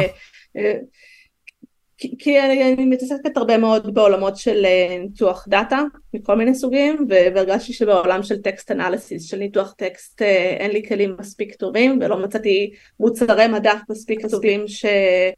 אה, שנתנו לזה מענה והתייעצתי עם כל מיני חברים, אחד מהם בסוף אמר לי תקשיבי היום לא לדעת פייתון זה כמו לא לדעת קרוא וכתוב, אז אמרתי טוב קרוא וכתוב אני צריכה לדעת ואני מקווה שבתקופה הקרובה יהיו לי תוצרים טובים אבל זה בדיוק חוזר למקום הזה מה, מה אני צריכה לדעת ואיך אני לומדת את זה כדי באמת לפתוח לעצמי עוד דברים כי, כי אני מבינה שבאמת נתקלתי בזה פשוט לי כל מיני סיטואציות של דברים שאני צריכה לנתח ולא יכולתי לנתח אותם מספיק טוב וזה פשוט כלי שהיה חסר לי. אוקיי okay. אז אז כדי לס... כדי לענות על השאלה, את את אומרת זה בעצם אה, יכולת רכישת מיומנויות, והתחום בהייטק לא, לא, התחומים בהייטק לא הולכים להשתנות דרמטית? זה גם שאלה של מה מה זה תחום, תחום אתה יודע זה הווקטור שהחברה שאתה עובד בה, לא לא אני חושב ש... זה תחום של אקלים, זה תחום של... אני חושב שהיא, לא. כשהיא, כשהיא מדברת על תחום בהייטק, אה, היא מתכוונת לסקילס, לא לוורטיקל עסקי. אה, ורטיקל עסקי זה... אז אני חושבת, כן, כן. שסיכמת את זה נכון, בעולמות המיומנויות בעיניי כאילו הדבר הכי חשוב זה לדעת איך ללמוד, כלומר אתה יודע גם לכל אחד זה עובד אחרת, אחד צריך להירשם לקורס ואחד ייכנס לאתרים ואחד ישר יעשה. וצריך בסיס חזק, אוקיי אני לא, לא נגעתי, כמעט לא נגעתי בתכנות מאז אה, כיתה י"ב, עשיתי בגרות במדעי המחשב. והנה עכשיו שפתאום אני חוזרת לתכנות בגלל שיש לי בסיס טוב זה די רץ לי, כי, כי יש לי בסיס חזק, אז כן. שאני צריך להשקיע ביסודות שהם מאוד טובים, וגם במיומנות הזו של להבין כאילו איך אני לומדת ולהיות כל הזמן סקרנית, להיות כל הזמן פתוחה ולהבין כאילו לאן התחום שלי הולך ולהישאר מעודכנת. כש, כשנכנסתי לעולם של ההייטק אז היה מין כזה שיח שאין קריירה בהייטק אחרי גיל 45. נכון. זה כאילו קצת כמו קריירה של כדורגלנים. עכשיו אני אגיד לך, ואני סאקרית של דאטה, אין הרבה אנשים שמכירים את הדאטה של ההייטק כמוני, במספרים אתה לא רואה את זה, אין משבר של גיל 45 בהייטק, אבל אם אתה באמת כאילו נכנסת לתעשייה בגיל, לא יודעת, סוף שנות ה-20 שלך, ומאז לא למדת נגיד אף שפת תכנות, בהנחה שאתה מתכנת, אז יש לך בעיה, כי אתה כבר לא רלוונטי. כן. אז לכולנו יש את האתגר הזה, אתה יודע, שאולי בהייטק קצת יותר בסייקלים יותר קצרים, אבל אתה יודע, שכל הזמן להתחדש ולהבין לאן העולם הולך. אוקיי. אלעד תמיר שואל, לגבי שילוב נשים בהייטק או במקצועות אחרים שמלאים בדומיננטיות גברית, איפה שורש הבעיה? אם הייתי, אם הייתה ניתנת לך הזדמנות ללכת למקור הבעיה, לאיפה הייתי הולכת ומה היית עושה? טוב, אז על זה יכולנו לעשות שיחה אחרת. בדרך כלל כשאני מתראיינת זה על העולמות האלה ולא על עברי בדה מרקר. יש לנו עוד זמן לעוד שיחה. מעולה. אה, אני אענה על זה ממש בקצרה, בעיניי הבעיה של נשים בהייטק מתחלקת לשניים, אחד זה מה שנקרא בעיית ה pipeline, כלומר כמה נשים מראש נכנסות אה, לתוך המשפך הזה והולכות ללמוד מקצועות שהם אה, בעולמות ה STEM מה שנקרא, כאילו science, בקיצור המקצועות הריאליים. מה זה ה-A? אני מכיר סטם שזה Science, Technology, Engineering לא, לא, לא, זה זה, זה, מה זה A? אה, זה סטם, אוקיי, אמרת סטמה. חשבתי שהוסיפו איזה A ואני לא... לא, לא, לא, המילה הבאה שבה, עשיתי AI, באתי לנחש את המילה הבאה, ואז עצרתי את זה ונשארת עם ה... סטמה. עם הסטמה. זה דווקא לא רע, יוסיפו לזה AI וזה יהפוך לסטמה. האמת היא נכון, הגיוני. כן. עכשיו, מה שצריך לדעת, וזה אתה יודע, כל מי שמאזין מאזינה ויש סביבו נערות בגילאים צעירים, כאילו יש את הגישה הזאת של כזה שהנערים והנערות ילמדו מה הם רוצים.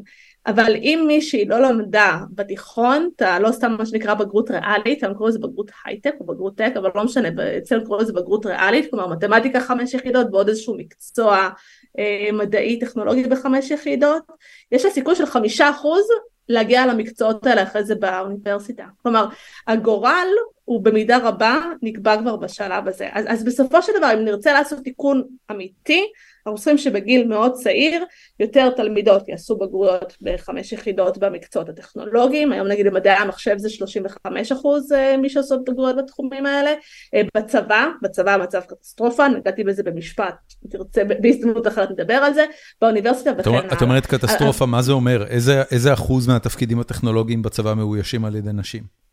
בגדול בתפקידי תכנות זה סדר גודל של 22 אחוז. אני אומרת שזה קטסטרופה כי זה יותר גרוע מהמצב בתיכון, שזה צעד לפני, ויותר גרוע מהמצב באוניברסיטה, שזה השלב אחרי. אמרת 22 אחוז, עכשיו הנה השאלה, מה יחס הנשים המגויסות לגברים? כי יש הרבה פחות נשים בשירות. אז הטיעון נגד לזה יהיה, אבל זה באמת, זה, זה, זה, זה עולם שלם של, של שיחות, הטיעון יהיה שכאילו להפך, כי גברים יותר הולכים לתפקידים קרביים, אז בתפקידים הג'ובניקים, הבנתי, זאת אומרת את היית מצפה לראות עוד יותר נשים בתפקידים, אחוז גבוה יותר של... אם, אם אתה שואל מה הייתי מצפה, הציפיות שלי מהצבא הן ממש גבוהות, אני הייתי מצפה שיהיה לכל הפחות שוויון, כלומר אין סיבה שלא יהיה שוויון, כמו שהצבא ידע לקחת חברים שלי שלא ידעו ערבית, לא ידעו ממש קצת ערבית, בתוך חצי שנה להפוך אותם לערביסטים או פרסיסטים, אין סיבה שהוא לא יעשה את אותו הדבר עם תכנות. אוקיי. Okay. יש לי ציפיות מאוד גבוהות מהצבא, ישבתי בוועדה לאומית שהתעסקה בהון אנושי בדגש של נשים, לא, לא קיבלתי שם תשובות מספיק טובות מנציגי הצבא. אבל, אבל אם, אם רגע לחזור לתשובה שלך, את בעצם אומרת, שורש הבעיה אז, אז הוא בשלב מאוד מוקדם, שמה, הוא בילדות. אבל נכון, זה מתחיל בשלב מאוד מוקדם, בבחירות כן, שעושים בגיל מאוד צעיר, אבל הגישה שלי, שהיא קצת רדיקלית בזה, היא קצת תפסיקו לנסות לשנות את הנשים, בואו נשנה את המערכת ולהבין איך בונים מערכת שהיא לאורך הדרך יותר אה, מתאימה לנשים, אה, ואחרי זה בצד של החברות לייצר את התהליכים שמתאימו לנשים, זה לא חוכמה לייצר תהליכים שמתאימים לגברים ואז הוא אומר אה נשים לא באות, לא כי התהליכים גם צריך איך נראה, איך נראה תהליך אה, שמותאם לנשים? אני אני זוכר אגב את האתגר ב, ב, בסטארט-אפ האחרון שהקמתי, Stream Elements, אז באופן טבעי, מכיוון שזה היה מאוד גיימינג אוריינטד, אז אז גם היו שם הרבה מאוד גברים, ובאיזושהי נקודה התחלתי לשים לב לזה כמנכ"ל, ו, וממש לדרוש מה-HRית שיהיו יותר מועמדים, מועמדות שהן נשים. איך איך בונים פאנל או איך בונים תהליך שכירת עובדים שיהיה יותר מוכוון לנשים, שמראש יעודד יותר נשים לפנות? יש הרבה מה להגיד על זה, אני אתן שני טיפים ממש קטנים, אחד זה נושא של בחירת מילים שמשתמשים בהם, למשל להוריד מהתיאור משרה כל מיני מילים מה שנקרא מסקוליניות, כאילו מילים מאוד גבריות, כמו מה? כריש אה, מכירות עם סכין בין השיניים, נינג'ה, כל מיני מילים כאלה, שזה כמובן הקיצון, אבל יש, יש ממש מילים, יש המון ידע ומחקר שם, לצמצם את הדרישות לדרישות שהן באמת הכרחיות, והנה כך דבר שלישי, לוודא שמועמדת שמגיעה לך לחברה, פוגשת בתוך התהליך של המיון או של הגיוס, פוגשת אישה בתפקיד מקצועי, שלא תעבור עכשיו ארבעה ראיונות אצל גברים שהם כל מיני מנהלי צוות, לא משנה וכן הלאה, והאישה היחידה שתפגוש זה האייג'ארית. ובטח בעידן של זום, שחלק גדול מהתהליך, כלומר כל החברה, כל הדימוי של החברה, זה מי שפגשתי פה בריבוע הקטן. זה טיפ מעולה, זה טיפ מעולה. אה, שנשים מועמדות יפגשו אישה שטוב לה בחברה, זה באמת טיפ מעולה. אז אני חוזרת רגע, אני רק אענה לשאלה, אני חושבת שהאימפקט הגדול הוא באמת ללכת לתחילת הפאנל ולתקן שם כל שלב. אה, אני דווקא בחרתי להתמקד במה שקורה כבר בשלב של נשים בתוך התעשייה, כי אני מאמינה שגם היום במה שקורה עכשיו, יש לנו מה לשנות. ויש אה, למשל כל מה שקשור לקידום נשים לתפקידי ניהול. זה לחלוטין מקום שאפשר אה, להשתפר בו. אוקיי. במה? בזה שכל... יש כזה שיח של כזה, אין מספיק מנכ"ליות, אבל אתה יודע, בדרך כלל מנכ"לית לא נהיית יום אחד מנכ"לית, נכון. לפני זה הייתה, אה, לא יודעת, מנכ"לית, היא הייתה ראש, כן. ח, ראש חטיבה, היא הייתה, היא, היא טיפסה ב, ב, בסולם, עכשיו מה שאנחנו רואים, שלמעשה הבעיה מתחילה, וזה מונח של לינין, שזה ארגון של אה, שריל זנדברג, והיא מוציאה דוח כל שנה אה, יחד עם מקינזי, מדברים על השלב השבור בסולם, למעשה שכאילו בסולם דרגות, למעשה הבעיה מתחילה בשלב הראשון. כבר שמה נפער, אה, אתה יודע, פער מה, בין נשים וגברים. בפעם הראשונה שאיש מקצוע מתמנה לניהול?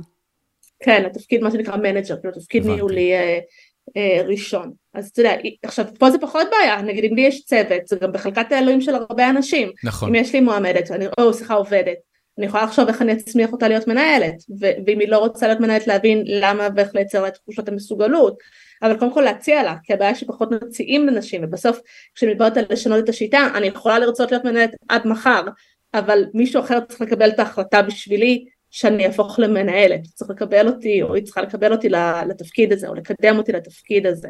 כן. אז יש המון עבודה לעשות בצד של המערכת, יש שם עולם שלם של הטיות לא מודעות, שאף כי אף אחד לא מסתכל במראה ואומר, אה, אני, אני מפלה נשים, לא, כולנו בתחושה, אנשים אה, ליברליים, הם מתקדמים ורוצים שוויון, אבל האמת היא שיש לנו הרבה הטיות שאנחנו מגיעים איתן מהבית. כן. טוב, אה, שאלה אחרונה של חן מור, אני קצת מתבייש שאני שואל את השאלה הזאת, אבל אני אשאל אותה בכל זאת. אה, את חושבת שבאמת יש פער בשכר של 30% בין נשים לגברים, אה, בהנחה שגבר ואישה עובדים באותה עבודה ואותו מספר שעות כמובן. אני חושב שהוא מנגן פה על הטענה שכשמדברים אה, על הסקרים שמראים שיש 30% פער בין נשים לגברים, הנשים בעצם לא עושות אותה עבודה שעושים הגברים. אני, אני רק רוצה לשאול אותך, האם, האם, האם, זה, האם זה נכון בכלל? האם יש פערי שכר? התשובה היא. לא, זה כן? שיש פערי שכר אני מקבל ב-100%. האם הם 30 אחוז? אתה יודע, זו שאלה של מה אתה שואל לא, ומה זאת, לא. זאת, רגע, רגע, רגע. יש פערי שכר, בוודאות. האם פערי השכר האלה, אה, נבדק המרכיב של אה, תפוקות, שעות עבודה, או או האם זה באמת אפלס טו אפלס כשעושים את ההשוואה הזאת? אז כן, כאילו יש לך את השלושה גורמים פחות או יותר שמשפיעים, אתה יודע, מאוד מרכזיים שמשפיעים על אה, פערי שכר, שאחד זה הבחירה המקצועית, שגם פה אתה יכול לשאול מה, מה גרם לזה שעובדות סוציאליות מרוויחות מעט, ולזה שהייטקיסטים מרוויחים הרבה, האם זה בגלל התרומה המאוד גדולה שלהם לציבור ולאנושות, כאילו אתה יודע, יש פה את השאלה של הביצה והתרנגולת. אגב, בסוגריים, תכנות היה במקור מקצוע נשי. כלומר, רוב מי שפעם פעם עבדו בזה היו נשים. אה, אז יש פה את השאלה של הביצה והתרנגולת. אבל אחד, זה הבחירה המקצועית, שתיים, זה השעות עבודה. אה, תמיד שאני אפילו כבר לא זוכרת כאילו אה, אמפירית מה השלישי, אבל אני אחזור של הנושא של השעות עבודה. אתה יודע, זה נורא קל לומר מה, נשים עובדות פחות, אבל יש סיבה שנשים עובדות פחות, עדיין רוב העבודות השקופות, קרי טיפול בילדים, ניקיונות, בישולים, נה נה נה נה, זה עדיין נופל בעיקר על נשים, כן, אבל, לא, אבל, לא משולם. אבל, אבל אחרי שניקית את כל כן, אלה, כן, אוקיי? כן. עדיין יש עבודה מאוד גדולה למשל של הלשכה המרכזית לסטטיסטיקה, והם עוד לקחו פול של מנהלות, אוקיי, אתה מצפה שכאילו בדרגות ניהוליות זה יהיה פחות קיים, ועדיין יש אחוז מאוד משמעותי שהם לא יודעים להסביר חוץ מהסיפור של, של אפליה, כלומר אתה מוריד את, השנות, את ההשכלה ושנות לימוד ושעות עבודה, אתה, אתה מוריד, ניקית את כל מה שאתה יכול להסביר, הורדת ועדיין יש רכיב משמעותי כן. שלא יכולים להסביר אותו, ואני אגיד שלפני שנה נכנס חוק שחברות עם מעל 518 עובדים בישראל נדרשו לפרסם דוחות על פערי שכר. למה 518? תשאל את ישראל כץ, זה היה... 500 פלוס חי? כן, משהו פלוס חי, אני כבר לא, היה, היה איזשהו אה, סיפור של, אה, של ישראל כץ, אז אמרו אולי זה קונספירציות, ואולי בעצם אה, היה איזושהי חברה עם 517 עובדים שרוצה לעזור לה. אוי, גדול. אבל הסיפור הזה, וזה בעיניי כזה שמדברים על מעורבות ממשלתית, היא יכולה להיות לטוב ולרע, לפעמים רגולציה יכולה לעודד שוויון, במקרה הזה המטרה של המחוקק הייתה טובה, הייתה לייצר שקיפות, כי אנחנו יודעים שכשיש שקיפות, אז יש פחות פערי שכר מגדריים. סליחה שאני קוטע אותך, האופן שבו זה נקבע, נקבע היא 100 פעמים חמסה ועוד חי. כך נקבע הרף המחייב דיווח נכון, פערי שכר. נכון, בדיוק, חמסה, נכון, החמסה. 100 פעמים חמסה ועוד חי. וואו, this is so fucked up. וזה מופיע בפרוטוקול של הכנסת, זה לא המצאה, תיכנס לפרוטוקול כן, כן, כן, הנה, אני קורא את זה עכשיו. אה, אני בשוק. זה מופיע שמה. עכשיו הסיפור הזה הוא דוגמה לאיך רגולציה היא בסוף עושה נזק. כי מה קרה? החברות עשו כל מיני מניפולציות והנדסו את זה ככה שהם הראו שאין להם פערי שכר כי מי רוצה להראות שיש לו פערי שכר? ואז אני נחשפתי לתופעה חדשה שלא הכרתי עד אותה עת של מכחישי פערי שכר. אנשים שבאו והגיבו לי ואמרו מה את רוצה? אין פערי שכר. הנה תראי את הדוח של זה ואת הדוח של זה ואת הדוח של זה ואין פערי שכר. ונעשתה עבודה מאוד גדולה של, על זה של מכון אדווה שממש הראו כאילו זה לא שאין פערי שכר, יש פערי שכר, הרגולציה במקרה הזה נכשלה, אני מקווה שיתקנו אותה גם, אה, ואני מקווה שגם אה, בשנים הבאות אנחנו באמת כאילו נצמצם את פערי השכר האלה, אבל אה, יש עוד דרך ארוכה לשם והרבה דברים שצריכים לקרות. אוקיי. ענבל, איפה, איפה אפשר לצרוך עוד ממך? כמובן האתר, האתר האישי שלך, אני אפרסם אותו, אז יש לי למעשה שני אתרים אישיים, פיצלתי את זה, יש לי אחד אה, של אישה בהייטק, womanintech.net, ששם את אה, כל התוכן שקשור בעיקר מה, מה הארגונים יכולים לעשות, ויש לי עוד אתר שהוא בעיקר משמש כבלוג ואולי קצת כפלטפורמה להרצאות כדי לכתוב בו על שאר העולמות, על AI ועל דיסאינפורמציה ועל עולם העבודה החדש ונושאים אחרים שמעניינים וחשובים. זה נקרא ecosystem builder, נקודה קום, גם נשתף את זה. וזהו, וזו שאלה מאוד טובה, כי אני בדיוק ישבתי עם חבר שאמר לי, לא, אבל צריכה עוד פלטפורמה, כי בעיקר פייסבוק הייתה פלטפורמה מאוד מרכזית שלי, ופייסבוק די מת. פייסבוק, טוויטר, פודקאסט משל עצמך. אה, כן, יש לנו אולי עוד שיחה להמשיך, אני לא יודעת, עם כל מיני מחשבות של איך נכון לעשות את זה. ענבל, המון תודה על השיחה הזאת. תודה רבה.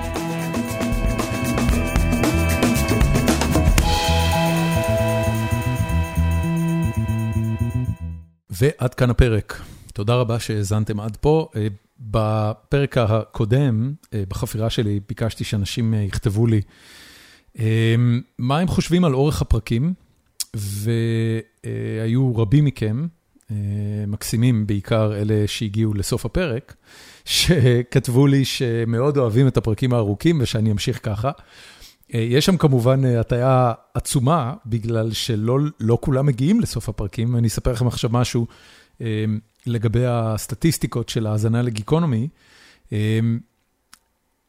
רבים מאוד מהמאזינים, לפחות לפי מה שאני רואה בדשבורדים ובסטטיסטיקות, לא מגיעים לסוף הפרק. בפרקים מסוימים, אלה המושמעים יותר, אה, אחוז המגיעים לסוף הפרק אה, יכול לעמוד על 50 אה, ולפעמים אפילו על 70. אה, אבל בהרבה מאוד פרקים אחרים, ואני מדבר כרגע רק על הפרקים שלי, אני לא, אה, אני לא בטוח לגבי פרקים אה, של ראם, אבל לגבי הפרקים שלי, יש הרבה מאוד פרקים שאנשים לא מגיעים לסופם, נוטשים אותם באמצע, ואני הולך להקדיש את החפירה השבועית שלי לזה. לפני כמה שבועות, נראה לי, משהו כזה, כאילו ממש לאחרונה, גיליתי את המושג completionist. אין לזה מילה בעברית עדיין. והמשמעות של completionist זה אדם שאוהב להשלים דברים. אה, ספציפית, הרפרנס אה, של המילה נולד ממשחקי וידאו, משחקי מחשב, אה, ומהקטגוריה הספציפית של שחקנים שמוכרחים לסיים את כל המשחק עד תום. זה כולל achievements, זה כולל להגיע לכל אזור בעולם, זה כולל לעשות כל מה שיש למשחק להציע. בהרבה מאוד מהמשחקים שקיימים היום, בעיקר בקונסולות, אבל, אבל גם ב-PC, יש איזה מסך איפשהו במשחק שאומר לך פחות או יותר מה עשית, וגם הרבה פעמים נותן לך ציון בין 0 ל-100 אחוז, כמה מהמשחק השלמת. אז אם במשחק צריך לבקר בחמישה אזורים ושם לחסל כך וכך בוסים ולאסוף כך וכך לבבות, אז הוא אומר לך איפה אתה עומד ביחס לעניין הזה, ואני מהאנשים ש... שהעניין הזה של לסיים משהו על 100 אחוז הוא ממש בנפשו. וזה הרבה פעמים דופק אותי, זאת אומרת, אני, אני, אני אוטוטו בן 50 ועדיין לא למדתי לעזוב יצירה תרבותית באמצע אם אני לא נהנה ממנה. זה כאילו קטע. אני גיליתי את זה על עצמי לפני הרבה מאוד שנים, וזה משהו שטבוע בי עוד מה, מהחינוך בבית. היה אצלנו בבית עניין כזה שלא יוצאים מסרט באמצע. שילמת את המחיר של הסרט, שב תהנה ממנו עד סופו. ואני ירשתי את העניין הזה מההורים שלי, ו, ובאמת עד לגיל מאוד מאוד מאוד מבוגר, לא יצאתי משום דבר בחיים שלי באמצע. כולל דברים מאוד מאוד גרועים, זאת אומרת, כולל סרטים שבכל קנה מידה או, ב, או בכל צפייה ביתית כנראה שהייתי נוטש אותם, אבל הלכתי לראות אותם בקולנוע, שילמתי כרטיס, ישבתי באולם, ולכן אני אראה את הסרט עד סופו, גם אם הוא גרוע. בזמנו, כשהייתי צעיר, אז, אז רציתי ללמוד קולנוע ולהיות במאי סרטים, וחשבתי לעצמי שגם לראות סרטים גרועים, יש בזה ערך, במובן של ללמוד מה לא לעשות. אבל זה לא קשור לזה, גיליתי עם השנים שזה פשוט עניין של אופי. אני מאוד מאוד אוהב ושואב סיפוק מאוד גדול מלסיים דברים עד סוף, ודברים שאני לא מתכוון לסיים אותם עד סוף, אני, אני מעדיף לא להתחיל אותם בכלל. סדרות טלוויזיה שאני נוטש באמצע, זה ממש יושב לי על המצפון ואני לא... מצליח לשחרר את זה. זאת גם אגב אחת הסיבות שבגללם אני בורר נורא בקפידה את מה שאני רואה, והרבה פעמים אני אתחיל לראות סדרה, כמו שקרה במקרה של Better Call Saul או או Succession, אני אתחיל לראות סדרה רק אחרי שהיא כבר הושלמה לגמרי, כדי שאני לא אצטרך לעמוד מול הדילמה הזאת של האם אני אסיים אותה או לא אסיים אותה. וחשבתי על העניין הזה, כי גם בפודקאסטים אני ככה, אם אני מתחיל פרק של פודקאסט אני אסיים אותו. זה מדהים אותי לחלוטין, שיש כל כך הרבה אנשים שלא חיים ככה. זאת אומרת, הם, הם מתחילים דברים ונוטשים אותם באמצע. אני חושב, אגב, שזה דבר טוב. אני לא, אני לא, זאת אומרת, אני שואב סיפוק אדיר מה, מההשלמה של דברים שאני, שאני, שאני משלים, כשאני גומר משחק וידאו ומגיע בו ל-100%, או סוגר את כל ה-achievements, או מה שזה לא יהיה. אז אני שואב מזה סיפוק עצום, אבל, ו, וגם כשאני מגיע לסוף סדרה, אבל אני, אני, אני חווה תסכול מאוד גדול אם אני מתחיל דברים והם לא טובים. ואני לא בא לי כאילו להמשיך מצד אחד, ומצד שני, קשה לי עם העצירה. אני מספר את כל הדבר הזה, כי כל האנשים שכתבו לי, היו בהגדרה אנשים שסיימו את הפרק עד תום, כולל החפירה שלי, ואני נוטה לחשוב שחלק מזה זה בגלל שהם נהנים, אבל חלק מזה, אולי בגלל שהם פשוט עונים על התכונת אופי הזאת. שעוד אין לה מילה בעברית וקוראים לה באנגלית completionist, הרצון והסיפוק שבן אדם שואב מלהשלים משהו עד תום. אז מכיוון שהזכרתי בדקות האחרונות כמה דברים שסיימתי, אז זאת גם הזדמנות טובה להמליץ עליהם. קודם כל, סיימתי את Succession, את כל הארבע עונות שלה. העונה האחרונה שהסתיימה לפני כמה שבועות, נראה לי. התחלתי לראות את הסדרה כשידעתי שזאת העונה האחרונה, ואז סיימתי אותה ממש שלשום. זאת סדרה מורכבת ומצוינת, ואני אגיד עליה שלושה דברים. הדבר הראשון, בתור מי שמכיר תאגידי מדיה, ואפילו ראה מקרוב תאגידי מדיה גדולים יחסית, אני יכול להגיד שזה לא, לא סדרה ריאליסטית בשום צורה. האנשים שבסדרה והמאבקים שבסדרה, לא יכולים לעולם היו להעסיק אנשים בצורה כל כך אינטנסיבית. דבר שני, האופן שבו האנשים בסדרה Succession מדברים ומתנהגים אחד לשני היא תת רמה, ולכן לא הייתה באמת יכולה להתקיים במציאות. זה אולי היה נכון, אגב, קצת לפני עידן המיטו, אבל היום, אמר לי חבר טוב פה באוסטין, אמר לי לפני שבוע, the, the The only weapon in corporate America is HR. corporate America, הסביבה התאגידית האמריקאית, היא היום תחת אימה בלתי פוסקת של תלונות HR, מנהלים כבר לא יכולים להגיד לאף אחד to fuck off. וכל ההתנהגויות שאולי בתחילת הסדרה נראו באיזושהי צורה הגיוניות, ממש פסו מהעולם. אני לא מכיר אף מנהל שמעז להתנהג ככה לעובדים שלו, כי מיד הדברים האלה התפוצצו עליו בלינקדאין, בדיווחים אנונימיים בהייטק, בגלאסדור וכולי, וזה פחות או יותר ידפוק לו את התפקוד ואת הארגון. אני מת על השקיפות הזאת, אני חושב שהיא דבר נפלא ובריא וחיובי, והמון דברים טובים עוד יצאו ממנה. כל האנשים שהם אנטי-ווק ורואים בכל הדברים האלה טרוניות של ממורמרים ומקופחים, אני לא מסכים איתכם. ואני יכול לנמק את זה ארוכות, אבל אני לא אעשה את זה. בכל מקרה, Succession היא סדרה בדיונית על מלא, וכסדרה בדיונית, היא סדרה נורא כיפית לצפייה. האנשים בה פגומים ומרושעים עד העצם. אני לא חושב שיש שם אפילו דמות אחת שהיא באיזושהי צורה ראויה להצלה. אם היום היה תיבת נוח, אם היה מבול שוטף את כל כדור הארץ, אני לא חושב שלאף אחד מהם מגיע להיכנס לתיבה. ולכן היא ממש כיפית לצפייה, והעונה האחרונה היא מצוינת, היא מתעסקת ברגשות פנים-משפחתיים יותר מכל דבר אחר, ובטראומות ילדות, וביחסי הורים וילדים, ומה קורה חס וחלילה כשאחד ההורים מת. באמת יוצא מן הכלל, תצוגות משחק מופלאות. של כל האחים למשפחת רוי, האחים והאחות למשפחת רוי, ואני ממליץ עליה בחום. והדבר השני, שהוא משאבת הזמן מספר אחת שלי כרגע, משחק וידאו של חברת נינטנדו המופלאה בשם The Legend of Zelda Tears of the Kingdom. אני לא יכול להרחיב פה באמת על, על, על, על הסדרה, יש לה היסטוריה מאוד ארוכה, זו סדרת משחקים בת למעלה מ-40 שנה, ו... והכותר האחרון, Tears of the Kingdom, הוא בוודאי המוצלח מביניהם, והוא באמת פסגה של יצירת בידור אינטראקטיבית שאני... למי שאין נינטנדו סוויץ' ולא שיחק אף פעם משחקי זלדה, פשוט רוצו, תקנו, תשחקו, זה, זה, גם אם בשביל זה ורק בשביל זה, תקנו את הקונסולה נינטנדו סוויץ', שעולה היום באזור ה-300 דולר, ואז עוד את המשחק עוד 100 דולר, נגיד 70 דולר, whatever. ה-400 דולר האלה יחזירו את עצמם עם ריבית דריבית, ומדובר בחוויית המשחק המופלאה ביותר שאני זכיתי לחוות במשחק וידאו מאז המשחק הקודם, אבל באופן כללי, פשוט אחת הטובות שבהם. אם אתם רוצים לדעת לאן בידור אינטראקטיבי מגיע ולמה הילדים שלכם כל כך אובססיביים למשחקי וידאו כתרבות, עזבו רגע את האלמנט הממכר, זה לא הסיפור פה.